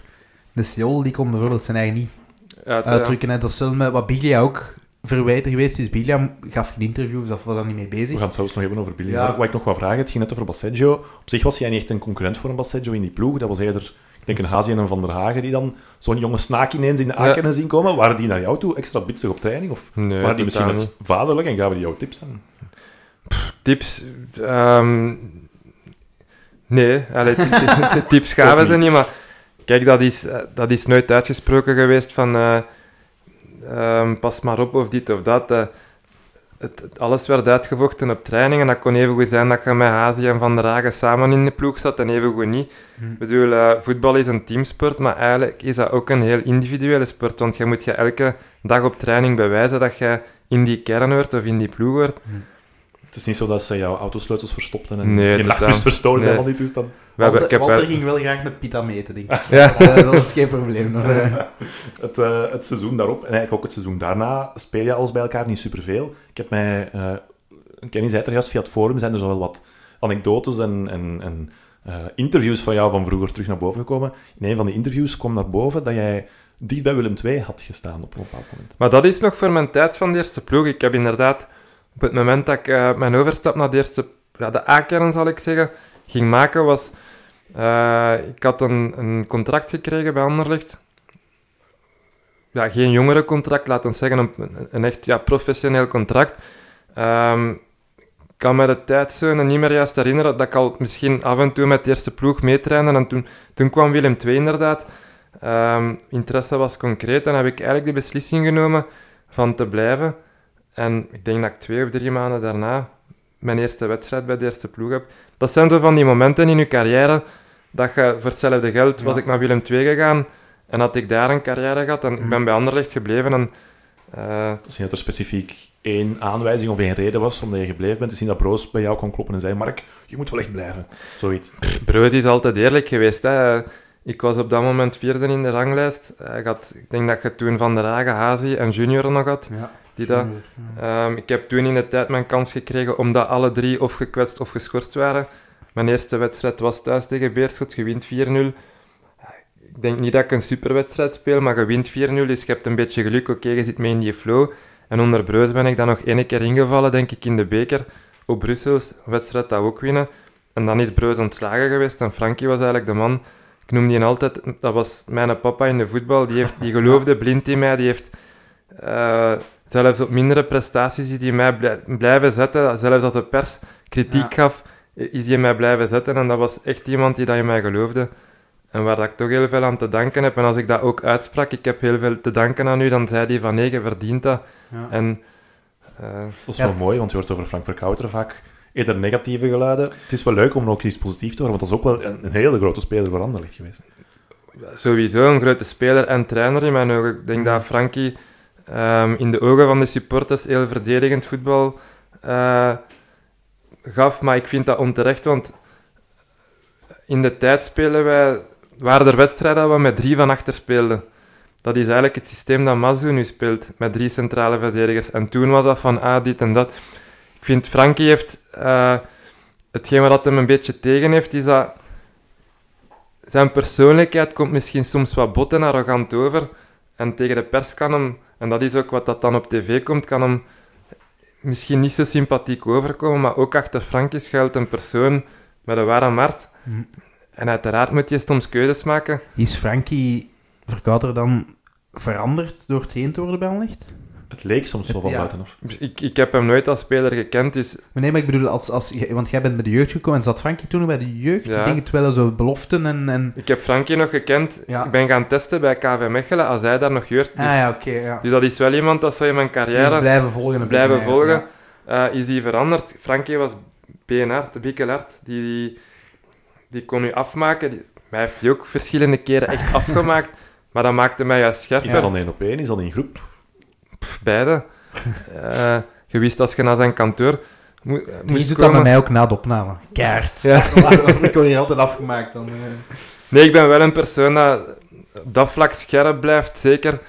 Ehm, als ze achter je veren zitten, als het te comfortabel wordt, dan, dan, dan ben ik minder scherp. En Frankie had dat, die zei dat ook, van kijk, zolang dat ik op je roep, dat wil zeggen dat ik in je geloof. Ja. En die vroeg van zijn spelers ook hetgene, eh, op, op training, zelfs op momenten na een wedstrijd, dat je zei van oké, nu kan de riem een beetje af. We hadden de dag ervoor 5-0 gewonnen, de dag daarna was het decrassage, gelijk dat ze dat noemden, hè, op het gemakske. En dat we, dat we dan een keer een teambuilding eh, activiteit deden en het was basket. En een van zijn gouden regels was, we gaan niet breed spelen. Als je breed speelt met de bal, je moet altijd diep Ja. spelen, maar niet breed. En zelfs als je dan in een teambuildingsactiviteit breed speelde, dan stopte die en dan begon, begon hem helemaal te flippen. Ja, dat is Frankie, die, uit, zelfs in ontspanningsmomenten vraagt hij het uiterste van zijn spelers. En bij mij heeft hij dat echt wel kunnen doen. En, ehm, Bij supportersleven zo'n beetje het idee. eh, Zijn eerste wedstrijd was, ik denk, thuis tegen Oostende. Je verschiet er Verloren. 20 kansen en je verliest 0-1. Ja, ja, Een zekere Nijs, denk ik, die een goal. Ja. Door. ja. klopt. Ja. Ja. Ehm, Marco Nijs, denk ik dat is zijn Ja, ja, ja. Marco Eh, Nijs. Het, leek toen dat. Anderlecht startte eigenlijk met een heel aanvallende opstelling, een heel aanvallende ploeg. En het leek wel, maar dat is van buitenaf en waarschijnlijk is dat geromantiseerd door de jaren heen. Maar supporters hebben dan het idee gekregen, oei, het resultaat viel tegen Frankie, is vanaf dan wat behoudender gaan spelen, om toch maar resultaten te Ik halen. denk- Frankie is wel iemand dat... ehm, en dat is een beetje anti-Anderlecht. Normaal, zeker toen, gingen we uit... of- was hetgeen wat dat de supporters verwachten van... Wij gaan uit van onze eigen sterkte. En Anderlecht moest gewoon... We hadden één systeem. We waren toch goed genoeg om tegen... Zeker in de Belgische competitie, ons eigen systeem. En bij Frankie kon dat echt zijn van de ene week spelen we zo, Ja, en de andere week gingen we anders. Die pasten zich aan. En dat is misschien... En ook, stel dat we voor, voor stonden, dan wist je op voorhand al, het laatste kwartier, zette Frankie een extra verdedigende middenvelder erbij. Ja, ja, ja. Vaak ben ik dat geweest. Zeker in die periode na Oostende. Toen ben ik echt beginnen spelen. Dat was heel vaak van... ik herinner mij dan nog, hè, dat thuis tegen Charleroi dat we wonnen op Cercle Brugge, was dat elke keer. En de boek is er toen bijgekomen ook, als zijn hulptrainer. Ja. Ehm, ja, als we voorstonden, was dat behoudender. En dat was gewoon puur resultaat. Ja, kunt je hem dat kwalijk nemen? Uiteindelijk, op het einde, als, als iedereen... eh, als we kampioen zijn en iedereen was aan het vieren, werd Ja. daar eigenlijk niet meer naar gekeken. Ja, Dus ja. ik denk dat, dat we ook gewoon, of, of, of naarmate dat de jaren vorderen, dat we als Anderlecht supporters allemaal ook een beetje moeten... Toen was dat al, hè. toen zeiden ze ook al van, ja, we, we zijn... In de tijd was het goed. En Vroeger was alles beter. Zodat vroeger was alles beetje- beter. Ja. Was jouw contact met Broos misschien wat minder? Ehm, nee, helemaal niet. Ik heb, ik heb, ehm, Breus was toen trainer en de rangorde was gewoon zo dat had een Besnik Hazi en een Yves van der Hagen, dat toen echt, denk eh, bij Genk en bij Moes Kroen in een tijd, goede spelers waren, ook bij Anderlecht, die dat hun ding deden en dat was gewoon een rangorde. Eh, mijn contact was zeker niet... Je had ook natuurlijk die Europese successen gehad, hè. En die mannen hadden wel iets opgebouwd, hè. Als je dan jonkie erbij komt, ja. De naam Ju- Junior viel daar juist. Ja. Dat was ook zo iemand die van bij de jeugd een zekere aura met zich meebracht. Door een blessure, denk ik, is dat nooit echt... ja. Die heeft, een knie, die heeft een knieblessure gehad, maar dat was eigenlijk voetbaltechnisch ongelooflijk sterk. Die heeft die wedstrijd, die daar Dat was 6-1 tegen Brugge, 6-1 tegen Brugge, dat, 6-1, ja, ja. 5-1, dat, Dat dan was daar eh, fantastisch. ja, een goal maakte ook. Ik was daar zot van als kleine gast, als, Ja. als jonge gast. Dat was echt... eh, Was ook iemand dat ja, alles had ook om, om profvoetballer te worden. Ook een goed hoofd had op, op, eh, ja, op zijn lijf. Maar die heeft dan allemaal Veel blessures. Ja. Ja. Zonde. Ja, ik was daar zot van. Dat was niet dat alles eigenlijk wat een moderne middenvelder moest zijn, hè. Ja, klopt. In 2005, 2006 word je kampioen, je zei het daar juist al. Ehm jij lijkt me niet per se het meest, of de meest uitbundige persoon, maar misschien vergis ik mij daar wel in. Was jij het grote feestbeest in de Carré bijvoorbeeld? Eh, Ik denk dat je het toch misschien kunt eens pakken. Eh, uiteraard. Zijn er anekdotes die je kan vertellen, of is dat allemaal... dat, dat eigenlijk valt dan mee. Dat is op het moment zelf, ja, speelt je dan kampioen, is, is er op het veld even iets. En één keer dat je in de kleedkamer komt, ja, gaat die feestvreugde een beetje liggen. Ehm, en uiteraard is dat een beetje allee, is dat uitgelaten en wordt er eh, in plaats van water of zo, wordt er wel een pintje en wordt er wat champagne gespoten en, en is dat leuk. En daarna gaan we allemaal naar de spelerzoom en wacht de familie daar op ons. En, en tuurlijk gaan we daarna dat is met de jaren heen, was dat ook traditie getrouw dat ze naar de carré Ja. gingen. En was dat, ik denk dat, eh, dan was, wa- werd daar een fles eh, voorzien en weet ik veel wat. Ik heb, dat heb ik allemaal niet meegemaakt. En tuurlijk gingen we op stap. Maar ja, dat is eigenlijk niet zoiets van... Evengoed gingen er gewoon spelers naar huis of Ja, zo. ja, ja. Dus dat, dat was, dat was Ja. feest en, en dat was een ontlading. Maar dat was niet dat je zegt van ja, we gaan hier... Ik heb, ben bijvoorbeeld bij OHL kampioen gespeeld en daar hebben we drie weken aan... Ik denk Ja. dat ik twee, twee, twee weken gewoon zat ben geweest. en bij Anderlecht is dat een zware nacht, een leuke, en Ja. een, met familie en dit en dat. Maar niet... Business as usual bij Ja, dat was... Ja, dat, zeg Ja, zeg dat het, was in die tijd was dat niet van, we gaan, we gaan, gaan we kampioen spelen of niet. Allee, tuurlijk zijn we blij dat we kampioen spelen, maar dat was, we gaan Champions League, dat was ons doel. En als je dat nu zou zeggen, daar, kun, ja, daar kunnen ze eigenlijk alleen maar van dromen. Ja, maar ja, je hebt nu, dat was niet 2005, maar je hebt samengespeeld met Lejar. Daar moeten toch sowieso goede anekdotes over zijn. Jastrovic trouwens ook. Jestrovic trouwens, ja. Ja, eh, aan, echt aan, met Jestrovic heb ik wel eh, leuke momenten gehad, toen dat ik nog niet echt vaste basisspeler was. Ehm, ik, weet ook niet meer juist hoe dat allemaal is gegaan, maar na een wedstrijd ook van, ja, die wonen toen in het centrum van Brussel, ja, en dat was met Moornaar toen ook. Ja, dat Met zal wel... Eh, ja. En dat was van, ja, we gaan naar de Sablon in... eh, de Sablon, eh, toen kende ik dat nog niet. Dat is ja, ergens een, een, een, een leuke plaats in Brussel. En dan zijn we daar naar, op café geweest en dat was met mijn beste maat in een tijd. Ja, we wilden drinken. En toen was dat nog zo... Leerde zo een keer een whisky cola te drinken. Zo, ja, we gaan een keer stoer doen. En in plaats van één whisky cola bestellen, die echt een fles. Dat was voor ons zo van, wow, een fles. Allee, dat was... Nu is dat allemaal normaal als we op stap gaan. Ja, ja. De en zeker is dat of je drinkt bier of als we vodka drinken is dat een fles. Maar toen was het echt zo van wow, die bestelt hier gewoon een fles whisky. Zo helemaal. Enfin, bij Lejar, de anekdote, dat is niet echt iets grappigs, maar ik, dat was echt, ja, met alle respect, een pisventje die dat op zijn vijftiende de eerste keer bij Anderlecht met de eerste ploeg kwam meetrainen. En, en dat je zei van, ja, wat komt die hier doen? Dat was echt zo'n een mager ventje. En, en direct, na tien minuten was dat van, oei, je kan ook voetballen. Ehm, Is dat iemand waarvan je denkt, die heeft ook veel te weinig uit zijn carrière gehad, als je daar nu op terugblikt? Of? Te weinig. Ik denk, en ook weer met alle respect, ehm, ik denk dat Lejar, zeker in zijn, zijn, zijn jongere jaren, eh, toch dingen heeft gedaan dat niet door de beugel konden. Ehm, en dat is maar dat is dan ook weer dat stukje dat ik al een paar keer heb gezegd van talent hebben, dat is ook een goed hoofd op je, op je lijf hebben. En als dat misschien een beetje beter zat, had hem, had hem misschien wel bij een grotere club kunnen spelen. Dat zeker. Dat eigenlijk gek hoe dat die... eh, na die, die, die supercampagne van Lejar, dat was na u, denk ik, hè? Europees Ja. heb ik, de, ik, ik weet niet over Nee, welke nee, periode nee, heb Dat je. was maar Jacobs ook. Ik denk dat ik de, want Dat we hebben een Europese campagne, campagne gehad met Tottenham. Het gaat tegen Hamburg. Dat, ja, in de, Nee, in de dat heb kwartfinale. ik niet, Dat- nee. Ik denk dat het jaar was nadat jij, Ja. allee, dat jij vertrokken bent. Ik Ja. Tottenham was het jaar ervoor. Eh, maar dan speelt hij alles kapot. Maakt hij denk ik 13 goal in Europa? Ja, Denk ik. Mister, eh, Mr. Europe ja. toen, hè. Ja, die, en ik, allee, dat je denkt van dat hij dan daarna niet die volgende stap zet. Ja, dan, Hoe is dat dan in de kleedkamer? Want jij bent dan duidelijk iemand die wel met zijn twee voeten op de grond staat en die er alles voor doet. En dan zit er iemand naast u die wat... Verbeter me als ik fout ben, dat misschien een beetje een vlierenfluiter is. Zijn er dan je mensen in de kleedkamer die zeggen, hey, Jonna, Pff, ja, Jonah, dat was... ja, hij had ook dat Siske je- Jonah de jaar. Dus die werd een beetje uitgelachen, maar die, die, had, die had toch uit... Door zijn prestaties had hij wel eh, het, het, het respect, Respect, in de ja. En dat is hetgeen waar ik altijd een beetje jaloers op ben geweest. Of, of wat ik er straks ook zei, van... Had ik dat maar een beetje meer gehad... flegmatieken of toch dat ja, flamboyante. Dat, dat je of- zegt van, ja, mannen... Want in Anderlecht ja. heb je een kern van 25 en dat zijn alle 25, die hebben een speciaal karakter. Ja. Ook ik heb dat, hè. Ik, ik, ben, ik ben rustig. Maar je, moet toch zo, om bij Anderlecht te spelen... Ik heb, persoonlijkheid. ja, toe- toevallig ken ik ehm Gert-Jan Martens, heeft ook bij de jeugd gespeeld. Ja. Van, eh, en die is beste vriend met Sven Kums. Ja. En we hadden het laatst over, waarom is Sven bij Anderlecht nooit echt kunnen doorbreken? Terwijl dat hem bij Gent en... En dat is misschien, ja... Hij zegt altijd van, ja, veel druk en zo. Hmm. Het is, het is speciaal om bij Anderlecht te spelen.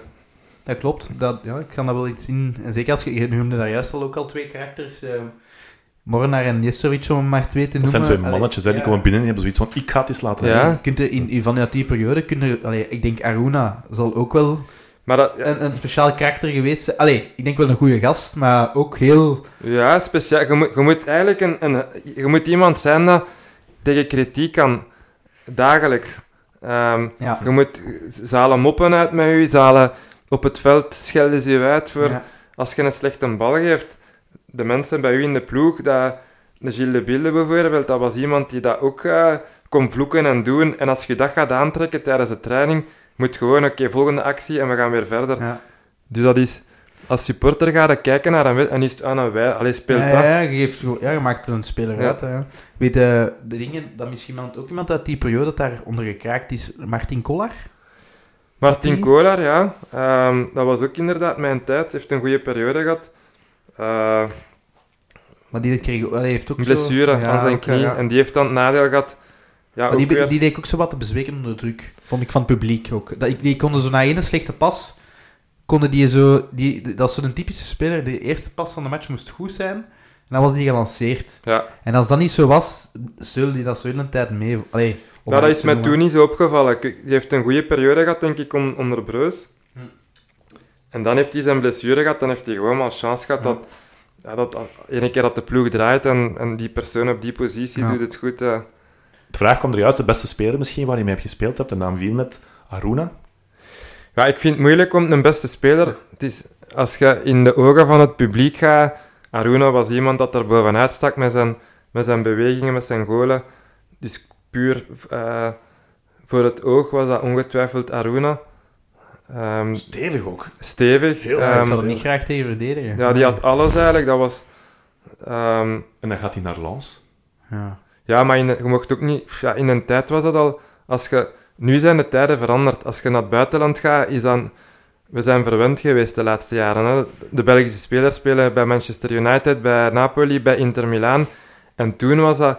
Vergeet niet, als Luc Nielis, een groot, ongelooflijke speler in de Belgische competitie, als die naar het buitenland gingen, was dat Aston Villa. En nu als ze zeggen van ja, je gaat naar Aston Villa af, maar Aston Villa. maar in die tijd was dat, oké, hij ging naar als je Ja. naar het buitenland ging, was dat al... Wat wel zot is, allee, ik snap die opmerking, hè, maar de Naruna toen, met, die met Mornar in de, in de Champions League brokken maakte, Ja, allee, je kunt nu... Ik heb nu veel dingen live op al niet gezien, maar wat die daar deed, en, en Mornar trouwens ook, dat was een duo, die twee. Dat was een, allee, een machine op hun eigen, hè. Daar dan een, een goede Bassetjo achter, die de, die een, als Fourier... eh, dat was zot. Ja, ik, vind, ik, vind, ik vond dat wel gek, want Lance was toch echt allee, zo'n Naruna. Wat gekke is dat hij daarna nergens meer... ja maar ik. Ik denk dat Aruna heeft in de Belgische competitie... Radzinski en Kolar, dat was nog echt, denk ik, de laatste periode dat we in Europa echt geschitterd hebben. Met Indana en Mornar hebben we mooie resultaten neergezet, maar in mijn ogen was dat ook niet om te zeggen dat je... Dat Allee, zalig dat- dat je dat zo... Maar je, moet, je moet niet vergeten, het, het, het- allee, soms is het, dat is wat dat we juist ook zeiden, we hebben, het verleden is soms te rooskleurig. Ook in mijn tijd hebben we Champions League gespeeld, 3 op 18, dat we ene keer gingen winnen in Betis en dat we al die andere wedstrijden, een groep met Liverpool, Chelsea, Betis, we hebben een groep gehad met Milaan, eh Bremen. AEK Athene, ehm, Lille. Lille.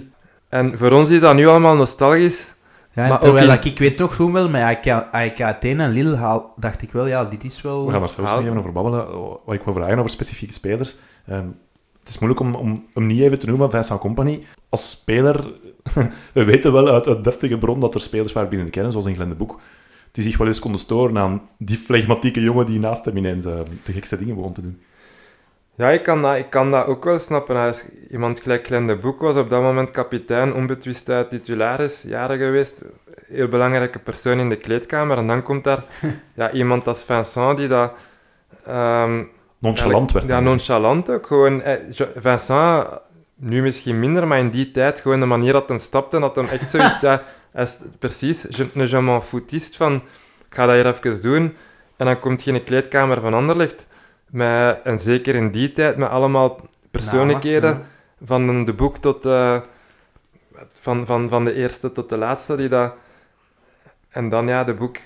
Ja, ziet dan van, oké, oké, ja, dat, is, dat, dat is hier niet goed. Dat is Ik wel kan- een concurrent. dat is een concurrent, inderdaad. En Zou die dat toen al geweten hebben, van hoe laat dat was? Zou dat? ik denk dat Denk wel, dat, want ja? ik denk dat een van de eerste wedstrijden was, denk ik, tegen Rapid Boekarest. Klopt, dat hem ja, ja. zijn basisplaats had. Het resultaat is goed en ik denk dat ja, hem dan... die speelde alles kapot, hè. Ja, dat was... Ja, dat, ik weet die, die thuismatch tegen Boekarest weet ik ook nog goed, ja, de company. Ik Dat denk was dat zot. dat zijn eerste wedstrijd in Boekarest was, Ja, trouwens. Klopt, ja, ja, ja, Ja. klopt inderdaad. Ja. Ik wil er nog twee spelers uitpikken. Ehm Anthony van den Borre. Anthony van den Borre, sowieso ook een van de grootste talenten. Kunt je vergelijken ehm, qua karakter op verschillende vlakken met, met Vincent. Ik denk dat Vincent dan... Ja, hoe moet ik dat juist zeggen? Je weet en weegt Ja. die woorden. Vincent had dan nog heel veel ja, in zijn hoofd. Maar voetbaltechnisch was Anthony ongelooflijk. Ehm, Was hij beter als company? dat denk ik niet. Er zijn verhalen dat zij samen de jeugd kapot spelen van Ja, Chelsea. en- Maar dat was sowieso wel. Ehm, maar als je, als je aan mij vraagt, Vincent of Anthony, ga ik altijd Vincent zeggen. Ja. Altijd. Anthony was ook iemand... Ik, ik, ik heb bij de nationale ploeg ook gespeeld, geselecteerd geweest. En ik herinner mij die wedstrijd dat hem tegen Spanje Ja, speelde. ja, Ongelooflijk. dat was zot. Die, dat was alles dat of was niks. echt... Ehm, ja, En Anthony was ook gewoon een persoon die dat op zijn... Ik denk dat Anthony zelfs vroeger op zijn vijftiende bij de A-kern, denk ik. Allee, 16, ja, of 15, 16, ja. 16, ja. Jongs, en die dat ook direct in de kleedkamer zijn zegje deed. En, ehm, Werd dat gepikt? Ja, nee, in, in, in die tijd niet, maar... dat- Ja, maar het, het, het ding is, maar... Ik heb... Ja, van hem voor, ik heb me daar altijd mee... Ik vond dat... Als supporter, ik was daar zo van. Maar- Ondanks- en iedereen... Want die werd ook... Dat was love him or hate. Maar dat was ook een heel deel van supporters dat... Hij heeft ook fratsen uitgehaald en dat, dat op zijn kap zat. Maar ja... Wat, wat dat je bij Anthony had, die kon een, die kon een ongelofelijke wedstrijd spelen, maar dan kon er één moment Licht in de wedstrijd dat licht uitging, wat dat dan wel een beslissende fase was, waardoor dat we de wedstrijd verloren. Maar goed, Anthony was zijn talent ontegensprekelijk en ik denk dat hij met... Misschien had hem de kwaliteiten niet in zijn hoofd. En dat is wat ik ook al een paar keer nu heb gezegd, van het talent is, is het, volledige aspect. Aspect dat is, omkadering ook, denk ik. ja, Van Boom. dat omkadering ook. Dat. Ehm, ja. ja, met, met jongens van misschien niet altijd de beste omkadering, maar goed, eh, ik denk dat Vincent of eh, Anthony dat iedereen, eh, of, of, of zeker ik, kan zeggen dat het een ongelooflijk talent was en dat hem uh, kon hem meer uit zijn carrière halen. Ik denk ongetwijfeld. Absoluut wel, ja. Ja. Absoluut. Nog één naam, want we, gaan, we kunnen niet heel die, of al die kern overlopen, helaas. Eh, je zit hier met wat mensen in de studio die allemaal in zwijm vallen bij de naam Lucas Bilia. Hoe was dat voor jou toen hij in de kleedkamer kwam? Had je meteen door, oh oh, Nee, eigenlijk, ja, eigenlijk niet, want ja, Lucas was iemand op dat moment, dat was eigenlijk mijn goede periode bij Anderlecht. kwam daar opeens naar Argentijn. Ik denk dat we Frutos al eh, eerder er hadden gehad. Ja, Leiva. En dan kwam Biglia, dus dat was iemand totaal onbekend. Ehm, als je nu zegt Biglia, kan iedereen daar, heeft, daar, heeft daar ongelooflijke verhalen en van een goede voetballer. Maar dat was eigenlijk iemand, ja, niet weten wat dat we konden verwachten. Die stond in het begin ook op de rechtsmidden, rechtsbuiten, weet ik, op zijn eerste wedstrijd. Ehm, ik denk inderdaad dat hem niet ja, voor de verdediging ehm, was ook eigenlijk dat is, dat is een, een timide persoon. Ik denk misschien zeker ook omdat hij heel lang heeft moeten doen om de Franse taal eh, te kunnen spreken. Ehm, maar al gauw zag op training ja, dat hij ongelooflijk, zeker technisch en ook fysiek heel sterk was. En die dat gewoon door het spelen zijn, dan iedereen van... Ja. ja, zijn plaats heeft afgedwongen in de kleedkamer. Jij was daar ook bij op Madrid. Die befaamde Ja. trofeo... Santiago Bernabeu. Santiago- Klopt, ja. Dat was toen ook waanzin. Ja, had jij, had jij de eerste helft gespeeld, denk ik, toen, hè? ik weet niet meer hoe dat, dat juist Hoe zat. dat- ja, maar het was, dat, dat was dat echt- zijn van die In ervaringen dat je tweede zegt. tijd spelen, spelen we daar Real Madrid voor eigen supporters weg. Ik Ja. weet dat die werden uitgefloten door hun eigen fans. Ja. Die dachten dat ook gemakkelijk 5-6-0 te winnen. Hè? Ja. Dat was zot. Het is leuk dat je zelf zegt, Mark, van ja, ik weet dat ik niet meer te goed. Wij als supporters Ja, denken ja. daar ook vaak aan terug, maar voor jou zijn dat anekdotes, god ja. Ja, er zijn bepaalde dingen dat mij heel... Dat, dat ik, als, als mensen vragen van, ja, vertel een keer iets wat dat u is blijven bijhangen, dat is Champions League wedstrijd in Liverpool. Dat is bijvoorbeeld Ja. iets dat ik weet van, kijk, ja, Ja. dat heb ik nu nog voor mijn netvlies. Maar bijvoorbeeld die wedstrijd in, in, in, in Madrid minder, was ook een wedstrijd met niet echt... van matchen, ja. Ja, dat was niet echt... Wedstrijd in, in Chelsea was ook, dat is ook iets dat ik Ja. weet nog van... Ook net 1-0 was dat, hè? ja, we verliezen 1-0 met die En op, goal en van Delpert. Liverpool 2-0, denk ik? Was het 3-0. 3-0. Ja. Rode Ja, kaart was ik, voor... ook, eh, was er ook bij. Met die Dat rode ik kaart van Jestrovic. Super indrukwekkend. Maar we doen goed mee nog. Ja. Ik denk de eerste. En dan op Morientes. Ik zie die een diepe Ja. bal en die trapt daar in één keer. Ja, ja. Ik was er toen bij toen. Ja. Dat is ook een van de dingen dat ik nooit Ja, dat was een campagne in 2005, 2006. Je speelt inderdaad tegen Chelsea, Liverpool en Real Betis. Je zet er juist al, je had er op de laatste speeldag met een 0-1 winst, een goal van Company trouwens. Op Betis haal je daar nog wat punten. Voor de rest word je eigenlijk altijd, ik kan niet zeggen van de mat gespeeld, maar het was wel een moeilijke campagne. Is dat leuk op den duur om zo'n Europese Ja. wedstrijd te spelen? Want je weet op voorhand, het wordt hier wel weer lastig vandaag. Is wel leuk. Je, je begint natuurlijk altijd met een gezonde ambitie. Maar je weet ja, als Anderlecht zijnde... Het is altijd leuk om in een leuke pool. Zeker ja, als je weet Chelsea-Liverpool. Dan weet je al van ja, we gaan hier een superleuke wedstrijd hebben. Zeker uit. Allee, leuk. Leuke verplaatsing. Betis was mi- minder aantrekkelijk. Ehm, en je begint dan, ik denk dat we ja, op Chelsea beginnen. Verliezen daar nu ja, 1-0, wat dat op zich geen schande is. Antwerp trapt dan nog Op de van de paal nog. op de paal. Ja. Dus, en dan, ik denk dat we thuis ook niet afgeslacht worden. We- Misschien niet de beste wedstrijden, maar dat 0-2 we... tegen Ja. En, eh, nee, 0-1 denk ik zelfs. Of, eh, ja, We zullen het zelf eens of, opzoeken. of tegen Liverpool, ja, maakt ook niet uit. Dus- Liverpool maar is 0-1. In, ja, in ieder geval niet... ehm, en dan thuis tegen Betis was denk ik ook 0-1, ja. Dan begin je wel op den duur van, ja, die laatste wedstrijd moet hier. Die heb ik toevallig dan ook niet gespeeld en dan winnen ze die. Ehm, Oké. Kijk, dat zijn allemaal mooie ervaringen. Zeker ook, ik denk dat Chelsea een van mijn eerste Europese wedstrijden was. Dat ik speelde op Kan Chelsea dan. Dus dat was superleuk. Eh Ja. ja. Het seizoen daarna speel je op, eh, op San Siro tegen AC Milan. Ja. Tegen een zekere Ricardo Kaká. ja, dat was Ook kaka, denk je dan hè. weer Ja, dat was echt kaka. ja, dat weet ik ook nog hoe Ik denk dat we na 10 minuten al 2 of 3-0 achter stonden. Ehm, en aan de rust maken we denk ik nog 2 En dan weet ik nog dat... Wie, wie- hoe noemde hem de trainer van Milaan? Ancelotti? Ancelotti begint dan te twijfelen, want hij zet Gattuso er Er toch was een nog in. moment dat je Ja, dacht, ja, valt er misschien toch Dat we een daar toch aan... ah, dan, dan, dan duwen we die twee of drie keer door en we verliezen 4 en Ja, dat zijn mooie ervaringen. De, de goal dat we thuis tegenkrijgen, dat weet ik. We verliezen 0-1 en Kaka trapt die bal. Oei. en dat was door mijn benen, die kaatst dan... eh, Ja. Daardoor vliegt hij in de kruising, die bal. Ja. ja, Ja. inderdaad. Maar dat, dat, zijn, dat, zijn, dat zijn van die momenten dat je koestert, dat je zegt van ja, ben super dankbaar dat ik die heb kunnen meemaken. Ehm, en, en uiteraard vallen die nog wel eens in, in, in momenten dat je zo terugkijkt op je carrière. Ja, je hebt er toch maar gespeeld, hè? Alleen, Ja. ik, ben, ik vind dat zot, want veel van die matchen was ik erbij als supporter. Eh, En dat blijven mij al hangen van... Je zit hier tegenover een van die Ja, spelers. ja, Kim. maar ja, dat, dat ten eerste is al cool, maar, maar gewoon, ik weet als supporter, als klein... Allee, ik was toen een puber, ja, en dan dat was al zo van, wauw, mij. Hè, zo, is- allee, Liverpool, wauw. En dan na de match kregen we daar applaus van die supporters. Die moesten ook uitlopen na de match, Ja, die spelers. ja. En die klapte dan voor onze spionkop. De spelers van Liverpool dan, kregen dan applaus van de uitsupporters. Dus dat was super... Allee, kijk, ik, ik, ik, ik heb heel veel dingen dat, dat als hij dat zo vertelt, als jonge gast, je, uit heel je puberteit en zo, waarom onthouden nog... Allee, je weet nog meer die vuif of dat of dit, maar zo die match met Anderlecht, dat weet ik nog allemaal levendig. En als je dan zo hoort vertellen, ik vind dat wel cool. Ja, er zijn zeker... Bijvoorbeeld op Liverpool, als we daar met de bus aankwamen, stonden de supporters van Anderlecht aan de bus. Ik weet ook nog, als we ja, na de opwarming gaan naar binnen, hoorde het, het befaamde You Never Walk Alone, hoorde tot in de kleedkamer. En dat zijn van die momenten dat je dan toch beseft van, ja, ik, ik kijk naast je, ja, ik zit hier bij Anderlecht, ik ga hier... ja, dat is. Er zijn de, de eerste, allee, op de wedstrijd op Chelsea ook, dat we opkwamen en de supporters van Anderlecht waren aan het roepen en Mourinho stond daar eigenlijk, ja, juist voordat we opkwamen, zei hij zo van, ja, spelen wij uit of thuis? Omdat die supporters van Anderlecht Ja. zo hard aan het roepen waren. en dat zijn echt van die momentopnames dat ik zeg van, ja, dat zit echt op mijn netvlies. Is dat ergens het kleine jongen in jou die ook gewoon supporter was? Eh, Op zo'n ook, moment. ook wel, denk ik, van ja, dat je... Want op dat moment staat er dan, is Mourinho gespeeld bij Anderlecht, maar Mourinho is toch nog een paar Ja, trapjes De special one. Ja, dat is, Ja. en dan staat hij daar en dan zeg je van, ja, hier, hier staat hem hier. De José. Of dat je dan... ja. Of, of, of, of- Heb je, nog, heb je nog truitjes van, van Ja, grote spelers? Ja? dat is ook in die befaamde doos. eh. Ah, Ah, mai. mag ik de man ons hart bloed wanneer je Ja. zo'n dingen vertelt? Jij gaat nog eens moeten terugkomen met de doos. De doos van Mark de Man. Ik denk dat eh, een mooie titel voor de volgende aflevering. Ja, je zei er juist van die truitjes. Wie zit er zoal in de verzameldoos van Mark? Dat, dat moet ik goed nadenken. Wat ik zeker weet is, Kaka zit erbij, Amai. Drogba zit erbij. Wie was de tweede? Eh Kaka, Drogba, die zitten erbij. En voor de rest, ja, ik heb die truitjes van Athene, van Lille, van... Ja. Ja, al die, maar ik moet eerlijk zeggen, dat is...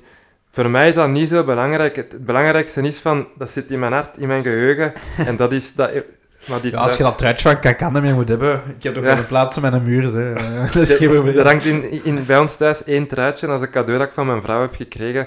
En dat is mijn eigen truitje. En eigenlijk had ik dat zelf ook niet gedaan. Ze heeft dat ooit eens als, als cadeau gegeven, van kijk, je moet daar trots op zijn. En we gaan dat hier in, de living... En dat hangt daar nu, en dat is... Je zei daar juist, mijn, mijn dochters zijn tieners aan het worden. Beginnen die te beseffen? Onze pa heeft wel iets gepresteerd. Ja, maar ook niet zo...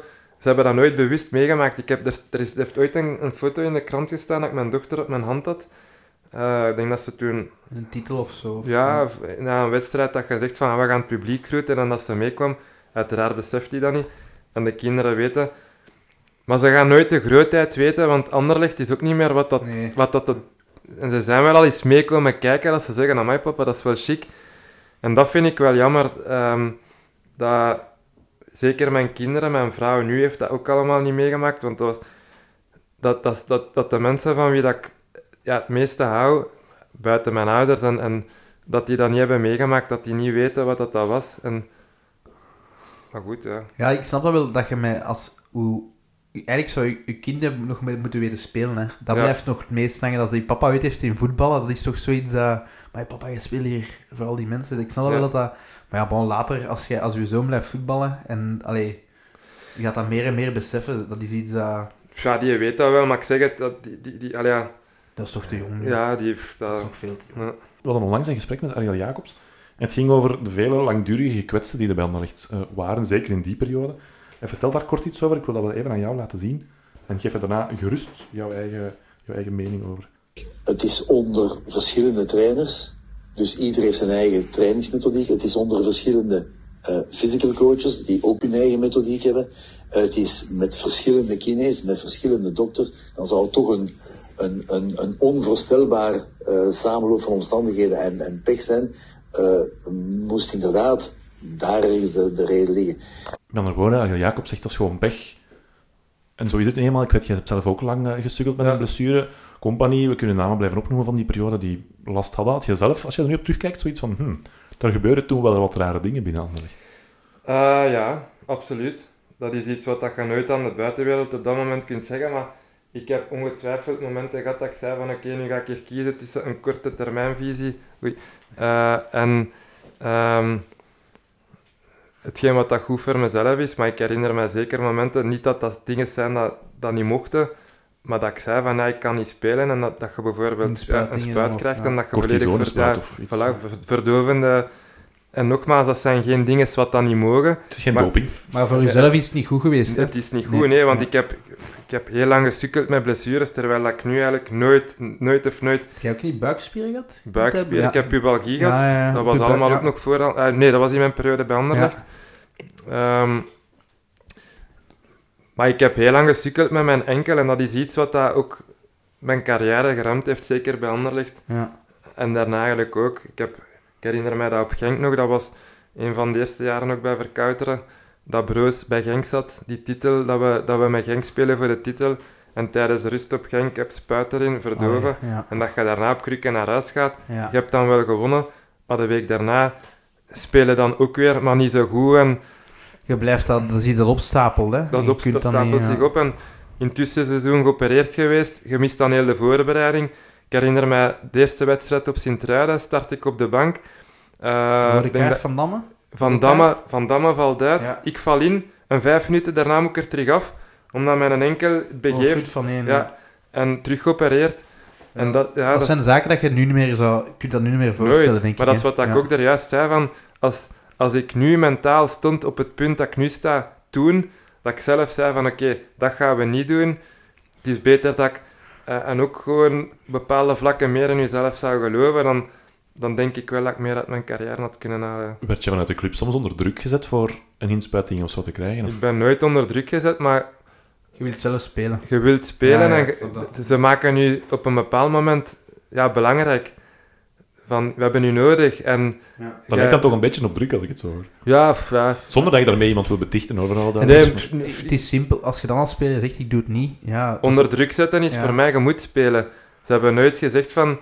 Ik, ik, ik heb van die dingen, schat. Ik weet niet, jullie weten dat we, de laatste wedstrijd van Zetterberg was Ja, thuis tegen ja, ja. Zulte Waregem. Dat was ook toevallig onze titelmatch. Ja, Eh, ja, klopt. Gewoon denk van dat dat- Lamine Traoré. Ja, maar die spelen in mijn plaats. Ja. Want de dag, ik stond toen in de basis en de dag voor de wedstrijd trainden we in het stadion. De laatste lange bal dat ik geef, met links, ik speelde nooit met links. Ik geef even een lange bal, krak, ik, voel, ik, voel, ik voelde iets in mijn, in mijn hamstrings. Allee, ja, we gingen dan, eh, denk de dag daarna was de wedstrijd, maar 's morgens moest ik een echo gaan laten maken. En het resultaat heb ik nooit meegekregen. Ah. Ehm, denk drie uur voor de wedstrijd roept Verkouteren mij bij hem en hij zegt van, en gaat het lukken? Maar die kende de uitslag. Uitslag was een scheur van 3 centimeter, maar hij heeft mij dat nooit gezegd. Maar wat dat hij toen wou doen, dat was mij testen van hoe ver wil Mark gaan? Wilt hij laten zien van, ja, ik wil spelen, want ik wil de ploeg helpen. Hij wist dat ik niet kon spelen. Ja. Hij heeft mij op de feuille ingevuld als startende. Hij heeft mij laten opwarmen, dus we hebben de hele voorbereiding gedaan. Hij gaat spelen, hij gaat starten. Maar hij wist al dat ik niet ging spelen. Ja, na- natuurlijk, na twee keer op en aflopen, zei ik, ja, trainer, dat gaat niet. Hoe graag dat ik ook wil. En dat was dan ook weer een beetje zand gooien in de ogen van Frankie Dury. Ja. Ja, ik, ik weet niet of dat, dat... Bij Frankie was dat wel zo, die kon zo een keer zand... Ja, ja. Dat was ook de inbreng van gesloten trainingen. Vroeger was dat, Ja. jullie zijn niet welkom, en nu is dat... nu is Dat dat, is normaal, zo. ja. Maar toen was dat van, "Jullie- zijn niet welkom, en dat was... Ik heb daar nooit... Waarom moeten, mo- mogen, mogen de mensen niet weten hoe dat we gaan spelen? Als we om acht uur, als de wedstrijd start, kan iedereen zien hoe dat we staan. En Ja. dus, maar dat was toen ook zo'n geval van, we gaan zien hoe dat Mark reageert, we gaan eh, zand gooien in de ogen van, van Dury. En dat gaf mij dan ook weer een boost, want dan een trainer mij... Zo belangrijk, als Ja, zo van, ik wil dat jij speelt, Ja, ik wil dat, ja, Ja. ja, dat jij... Ja. Het is wel goed dat je daar nu... Ik denk niet dat je nu nog blijvende eh, letsels hebt overgehouden van vroeger te forceren. Nee, Maar heeft dat wel die periode, want dat wou ik, daar, ik wou daarop inpikken, heeft die, die want na Anderlecht is er heel veel blessureleed geweest en ik denk niet dat, er ergens nog echt super fit geweest? Nee. Denk het niet. dat, dat, dat Anderlecht heeft, is mij blijven achtervolgen. Ja. Dus ik ben na... Rode JC. Ik heb een cruciale En dat dat is iets, als er één ding is waar ik spijt van heb, dat is... De Ariel Jacobs is trainer geworden.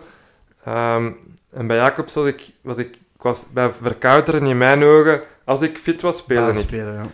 Jacobs komt dan en bij Jacobs was ik bij de eerste drie invallers. Wat wil ik daarmee zeggen? Is er een geschorste of een gekwetste? Op mijn positie was ik altijd ten eerste. Maar na drie jaar basisspeler zeg je dan van ja, hey, ik, ik moet hier spelen. Ik kreeg een voorstel van Anderlecht drie jaar bij, bijtekenen onder verbeterde voorwaarden. Ehm, en ik heb toen beslist om weg te gaan, want ik wou spelen. Ik ben naar Roda vertrokken. Dat was ook een vraag, heb je daar spijt van nu? Ik heb daar spijt van, ja, Ja. Want ik ben in een ploeg terechtgekomen dat totaal niet draaide. Ehm, ik ben daar maar zes maanden gebleven ook. Ik voelde mij niet goed. Dan ben ik naar Beerschot gegaan. Ehm, speel ik twee heel goede wedstrijden en dan weer mijn enkel. Ja. Vier maanden uit geweest en eigenlijk sindsdien ben ik nooit meer ga, ik ga nog teruggekomen. eens iets opgooien. Ehm, wij zijn ooit de Maritreis in Leuven. Ja. Nu wel Peter van Peter, geweest. ja. Hè? Ja. Ehm, ik zat daar in de supportersclub. En we zijn ooit nog met een bus naar Rode EC, naar, naar Kerkrade Ah, dat kan, ja. ja. ja. Maar toen heb ik ook gewoon niet gespeeld. Ja. Dat was, eh, ja. Ja, dat, was, dat, is, dat is jammer gewoon, omdat Roda was eigenlijk de ideale ploeg om te zeggen van kijk, ik ga hier elke week mijn wedstrijd. En eigenlijk was de bedoeling om dan terug een stapje hoger op te zetten. Want ik heb aanbiedingen gehad in mijn tijd van Anderlecht om eventueel naar het buitenland te gaan. Osasuna, dacht ik. ook. Osasuna is erbij geweest, ja. Ehm, Welke ploegen nog? Santander is er ook zo'n tijdje zo wat... Dat is nooit echt in de pers geweest, maar daar zijn wel wat contacten geweest. En in Engeland ook. Nooit bij de Manchester Cities en weet ik veel wat, uiteraard niet. Mark, je kunt dat nu zeggen, hè. Ja, nee. Manchester ik- City ik- was... eigenlijk weet ik Nou, toen was Manchester City nog niet top. Allee, of niet Inderdaad, top, ja. top. Maar er zijn, allee, er zijn gesprekken geweest. Heb je Ja. daar spijt van? Zo, misschien, oké, Rode EC was nu... Ja, maar zo als je meer fit zo zo'n Osasuna of een... Of, of, Van Osasuna bijvoorbeeld niet. Het meeste, de, de- het meeste spijt waar ik van heb, is dat ik bij Anderlecht vertrokken Ja. ben. dat is mooi. Omdat ik dan nu ook nog hoor, dat is heel toevallig, via via hebben wij mensen dat dan toevallig Herman van Oosbeek hebben gezien en die dat dan vragen van, ah, ja, wij kennen Mark de Man. En als je dan hoort hoe dat Herman ja, over mij sprak, die zei van, ah, de Mark, ja, die had eigenlijk nu nog bij Anderlecht kunnen zitten. Mm. En ik, ik was misschien voetbaltechnisch en alles. Olivier de Schacht heeft daar zo lang gezeten. Ik had nooit zijn carrière gehad, maar ik was misschien wel een speler dat veel minder had gespeeld.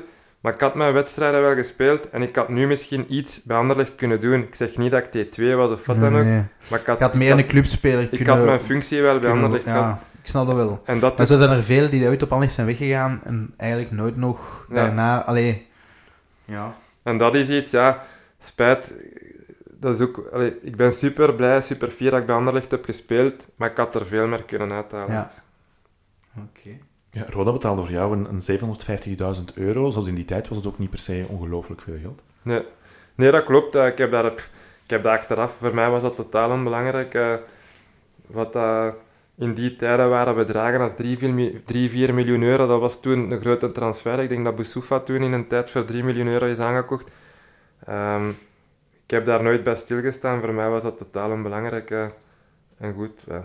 ik had, als, als je dan, ze betalen 750.000 euro, maar ze hebben toen wel mijn contract van Anderlecht overgenomen. Dus Oké. Dat was Ja. ook niet slecht. Voor zo'n kleine club is dat wel een, ja, een investering, kan ik me voorstellen. Je zei het net zelf nog, je speelde naar Vrovagel, eh Beerschot in lagere afdelingen bij clubs als, als Hasselt. Heb je bij een van die clubs het idee van, hm, ik had misschien beter nog ja. een andere keuze kunnen nemen? Absoluut. Ik heb, ik heb eigenlijk, eh, ben dan naar Beerschot gegaan. Eh, dat, dat was in een tijd van Van Oppen, was dat ook eh, één, ja, één groot gevecht Speciaal, om, om, ja. om aan die salaris te komen. Dan ben ik naar Oh. Leuven gegaan. Ben ik, dat was eigenlijk de bedoeling om dan terug een beetje, maar dan kwam ik bij een ploeg, weliswaar in tweede klasse, maar die dat alles kapot spelen. Met een trainer als Van Geneug die dat ook zei, van kijk, ik heb totaal geen reden om een ploeg hier om te gooien, want we, dat- we winnen elke week. Was dat met Trossard of... Nee, nee, nee, dat, nee. nee, dat was nog De. Makkele, Harbawi. Ah ja, oké, Ja, die periode, ja. Ehm, dus we hadden- dat waren niet de beste voetballers, maar dat was wel Ja. één, één goed geheel. En dan eigenlijk daarna is dat, heb ik een heel moeilijke periode gehad, privé ook. En zat ik in, in, ik zeg altijd een scheiding, we waren niet getrouwd, maar ik had met die vrouw wel twee kinderen, zijn we uit elkaar Ja. gegaan. En dan kwam het buitenland weer, kon ik naar China, naar Schotland. Ik ben in Schotland geweest, in China. Financieel was dat in orde. Eh, en kon ik daar tekenen. En, en ik kon dat gewoon niet om te zeggen van kijk, ik ga nu gewoon Ja. alleen naar Schotland of China. Want ja, de kinderen konden niet mee. Ik zat ook mentaal niet in mijn beste periode. En heb ik dan... Schotland was al een grote ploeg. Nee, Kilmarnock. Oké, dat is wel een mooie club. Pff, een leuke club, ja. Dat was ook weer ideaal om te zeggen van oké, we gaan hier elke week mijn wedstrijd spelen. En dan kon ik daarna, oké, de tijden van Anderlecht, dat was gedaan. Maar dan was het doel nog van we gaan hier nog een paar jaar. en komt er dan een ploeg als Zulte Waregem of weet ik veel of een middenmotor waar dan ook, dan kun je nog even meegaan. Besefte dat als... als ehm, het zijn nu, ik vind dat een heel moeilijke vraag om te stellen, maar besefte na een half jaar bij Roda van... Besefte dan al van, ik ben stoem geweest? Ja, want dan Ja. weet ik ook van, ik, ik zat toen eigenlijk, ook al was dat niet de beste periode van de nationale ploeg, maar ik was dan vast, Ja, ja, ja. veel mensen weten dat niet, maar ik was een vaste waarde bij de Ja, ja, nationale in ploeg. de selectie, Ik zat altijd in de Ja. selectie, speelde niet, nee. Maar ik was, Maar ik- zat ja, er altijd bij. En toen voelde al van, oké, je speelt bij Roda niet, dat gaat weggaan. Ja. Ja, en als je bij Roda niet speelt, je komt wel van Anderlecht. Ja, Hè? ja, Dus ja. dat was, voor Roda was dat een grote transfer. Ze hebben daar financieel misschien Ja. qua transfers, zo, maar qua contract had ik daar een goed contract. En dan op de, op de bank te zitten. En, dus ja, ik, ik heb mij daar niet goed gevoeld, gewoon qua omgeving. En dan ook, de ploeg draaide niet, het klikte niet met de trainer. En dan kwam Beerschot, dat was een godsgeschenk. Beerschot investeert, Bart Goor is toen gekomen, Ivan Leko, Wim de Dekker eh, stonden toen ook niet te goed. Ook Beerschot heeft mijn contract overgenomen van, van Roda, dus financieel was alles goed. Spelen thuis, de eerste wedstrijd tegen Genk, 4-1 winnen we. En dan spelen we in Denner. Ik weet dat nog, dat zijn ook van die momenten Ja. op je netvlies. Spelen een goede match. En na 44 minuten, bam. eh, denk, het was toen en mijn enkel en mijn knie. Ja. eh, en dan is dat, Ja, dat die is momenten, die, dan, die malchance dan eigenlijk ook nog, hè, dat sukt. Hè, ja. Dat is, ja. Het was niet zo dat je bij Roda voelde van het loopt hier niet. Ik ga nog eens even terugbellen naar Herman van Holsbeek en zeggen ik heb een fout gemaakt. Kunnen we nog eens bouwen? Ja, ik ben niet type speler, denk ik, om gezien de kwaliteiten van oké, ik speelde bij Anderlecht en ik werd daar gewaardeerd, maar ik denk dat dat gewoon naar totaal de buitenwereld, de pers, dat dat denk ik ook niet ging om we gaan Mark eh, verkopen en we gaan die hier even terughalen. Ja, dat, dat, dat, dat snapte Ja. ik ook wel dat dat gewoon niet Je ging. snapt dat uw rol... Ja, ik snap wat je bedoelt. Je Ja. waart niet een, de ster van de ploeg. En Voilà. je wordt daar niet... Ja. En dat is iets wat dat... Er zijn daarna nog zelfs eh, verkouternis en leidraad in mijn carrière geweest. En er zijn contacten geweest. Ik zeg niet met Genk zelf, maar verkouternis aan trainer geweest bij Genk. En dan is er wel een keer zo... Wat denkt hij? Ja, dat gaat niet. En, en zelfs als ze bij Al Jazeera zat van... Maar dat ging dan ook weer niet, want Al Jaze- Al Jazeera, dat, die kochten alleen maar sterren. En, maar je als dat dan, ik denk als dat dan Frankie in C had gelegen, had hij gezegd, oké, pak u erbij en ik kan u gebruiken, maar ja, esthetisch, moet ik het zeggen, naar de buitenwereld, en ja, ging dat gewoon niet. Wij lanceren altijd een naam met wie wij de volgende keer gaan praten in deze podcast. En ik zei het al toen wij jouw naam lanceerden. Een van de opmerkingen die regelmatig terugkwam is toch bizar hoe die zijn carrière eigenlijk naar Anderlecht is verlopen. Ja. Dat dat ook is redelijk snel afgelopen eigenlijk. Veel supporters begrepen niet echt wat dat daar gebeurd is. Nee, dat klopt, dat is iets wat ik, ja, wat ik zelf, eh, ik ga het uiteraard niet zeggen niet begrijp, maar dat is na Anderlecht, dus ik heb gewoon de, de slechte keuze gemaakt op, eh, op een moment dat het anders kon, dat ik kon drie jaar bijtekenen en aan nog betere condities, en ik heb dan bepaalde signalen een beetje, mijn ouders hebben hadden toen gezegd van nee, je moet bijtekenen, mijn makelaar zei dat, en ik heb toen gezegd van ja, nee, ik ga, de, ik ga deze keuze maken, en goed, dat is een, een harde leerschool geweest in, in mijn leven. Ehm, Ja. maar ik probeer altijd aan de positieve momenten. Ik heb... dat, dat, dat straalt ook wel uit, want ik vind dat zo bij mijn tante dat we nu zo wat in dat negatieve zijn beland. Nee, maar dat is, niet, Nee. dat is gewoon de realiteit. Dat is, dat is iets... Ik, vind, ik ben daar niet beschaamd over. Of, of vind dat niet, niet moeilijk om over te... Moeilijk... Het is... Tuurlijk is dat... Zo, maar zo zijn er... Weet je, ik, ik vergelijk dat vaak met... Want jij zegt nu, ik heb niet bijgetekend. hè. Ik, ik vergelijk dat vaak met, met Steven Rebus. Ja. Ik Die gaat dat wel Ja. kennen ook. Want dat verhaal, die kon ook wel niet tekenen. heeft niet Ja. gedaan. En dan... Allee, dan heeft hij een zware blessure gehad. Bij Gent is er nog even bovenop gekomen. Maar dan, of bij Gent een heel zware blessure gehad. Allee, ik zeg altijd, als je wel niet kunt tekenen eigenlijk, vroeger Sowieso doen. mocht je niet... toe- Allee, Ja. Dat is nu natuurlijk anders, maar... Ja. Dus daarin komt dat ook terug van dat niet bijtekenen, dat dan een beetje een... Ja, kijk. Het ging net nog over de, over de Rode Duivels, misschien om daar stilaan mee te gaan afronden, Ja. want die weer eh, van, van ouds lekker warm in deze Ja, hoofdstudio. ja, ja. Ehm, in 2017 of 2007 eerder, eh word je ook Rode Duivel. Uiteindelijk speel jij een handvol matchen ook effectief mee. De dubbel tegen Portugal onder andere. Als we daar nu op terugkijken, in die periode werd er wel eens gezegd, terugblikkend nu door spelers die daar toen waren, het was eigenlijk niet echt leuk om toen bij de nationale ploeg te komen qua sfeer en qua. Absoluut, ja. In, in, in die tijd was dat ook weer van, oké, ik ben erbij en eh, dat is leuk, maar het was... eh, nu gaan we ervan uit, ja, hoeveel gaan ze winnen? En toen was dat eigenlijk van, ja, hoeveel gaan we verliezen? Dus, ehm, maar niet tegenstaan, dan heb ik daar ook mooie momenten. En dat was eigenlijk het begin van, alle, van, van hetgeen wat dat we nu hebben. Het begin van Vertongen, Fellaini, Witzel. Dat waren allemaal spelers dat toen aan het opkomen waren. En eh, ik heb onlangs toevallig, ik weet niet, het was op, denk op, op uh, Telenet, zag ik een stukje dat ze van de Rode Duivels van vroeger eh, lieten zien. En dat ik in een interview zei van, ik weet niet, ik weet niet dat je het toevallig ook gezien hebt Ja, tegen Portugal, ja, dat ik zei van, ja, Dat was toen met Stijn Stijn. Dat ja, die ja match, inderdaad. En die, dat ik, heb, heb je ervan kunnen genoten? En dat was denk ik een van mijn eerste matchen dat ik daar iets op zei van, ja, hoe kun je dat nu zeggen? Maar ik heb daarvan genoten. Tuurlijk niet, we krijgen daar 4-0 slaag. Maar Maar je hebt wel tegen Cristiano Ronaldo gespeeld en zo. Dat is toch... Allee, ja, je, moet- je- je speelt daar voor 50.000 Ja. man tegen Portugal. Dus in C als voetballer geniet je, maar tuurlijk geniet je niet van de wedstrijd. Want ik, Mm. hallo, we- denk aan de rust was toch 0-0. ja, Eh, ja. maar dat was inderdaad die wedstrijd dat Stijn en met Ronaldo zei van ja, ik ga je benen... eh, ja. Hoe was jouw contact met René van der Rijken? Dat is ook een speciale man. Eigenlijk geen problemen mee. Ik, heb persoonlijk nooit gesnapt. Ja, pff, misschien wel. Ehm, ik denk dat je een beetje kunt vergelijken zo, naar de pers toe ook met Verkouteren, die dat heel stug was tegenover. Maar naar zijn spelergroep, die was echt een persoon die dat opkwam voor, kwam voor zijn spelersgroep. Ik heb momenten gehad dat, dat het veld er niet goed genoeg bij lag, dat hij zei van kijk, hier trainen wij Ja. niet op, mijn spelers zijn belangrijk en ze kunnen... Dus mijn, mijn contact met Van der Rijken was...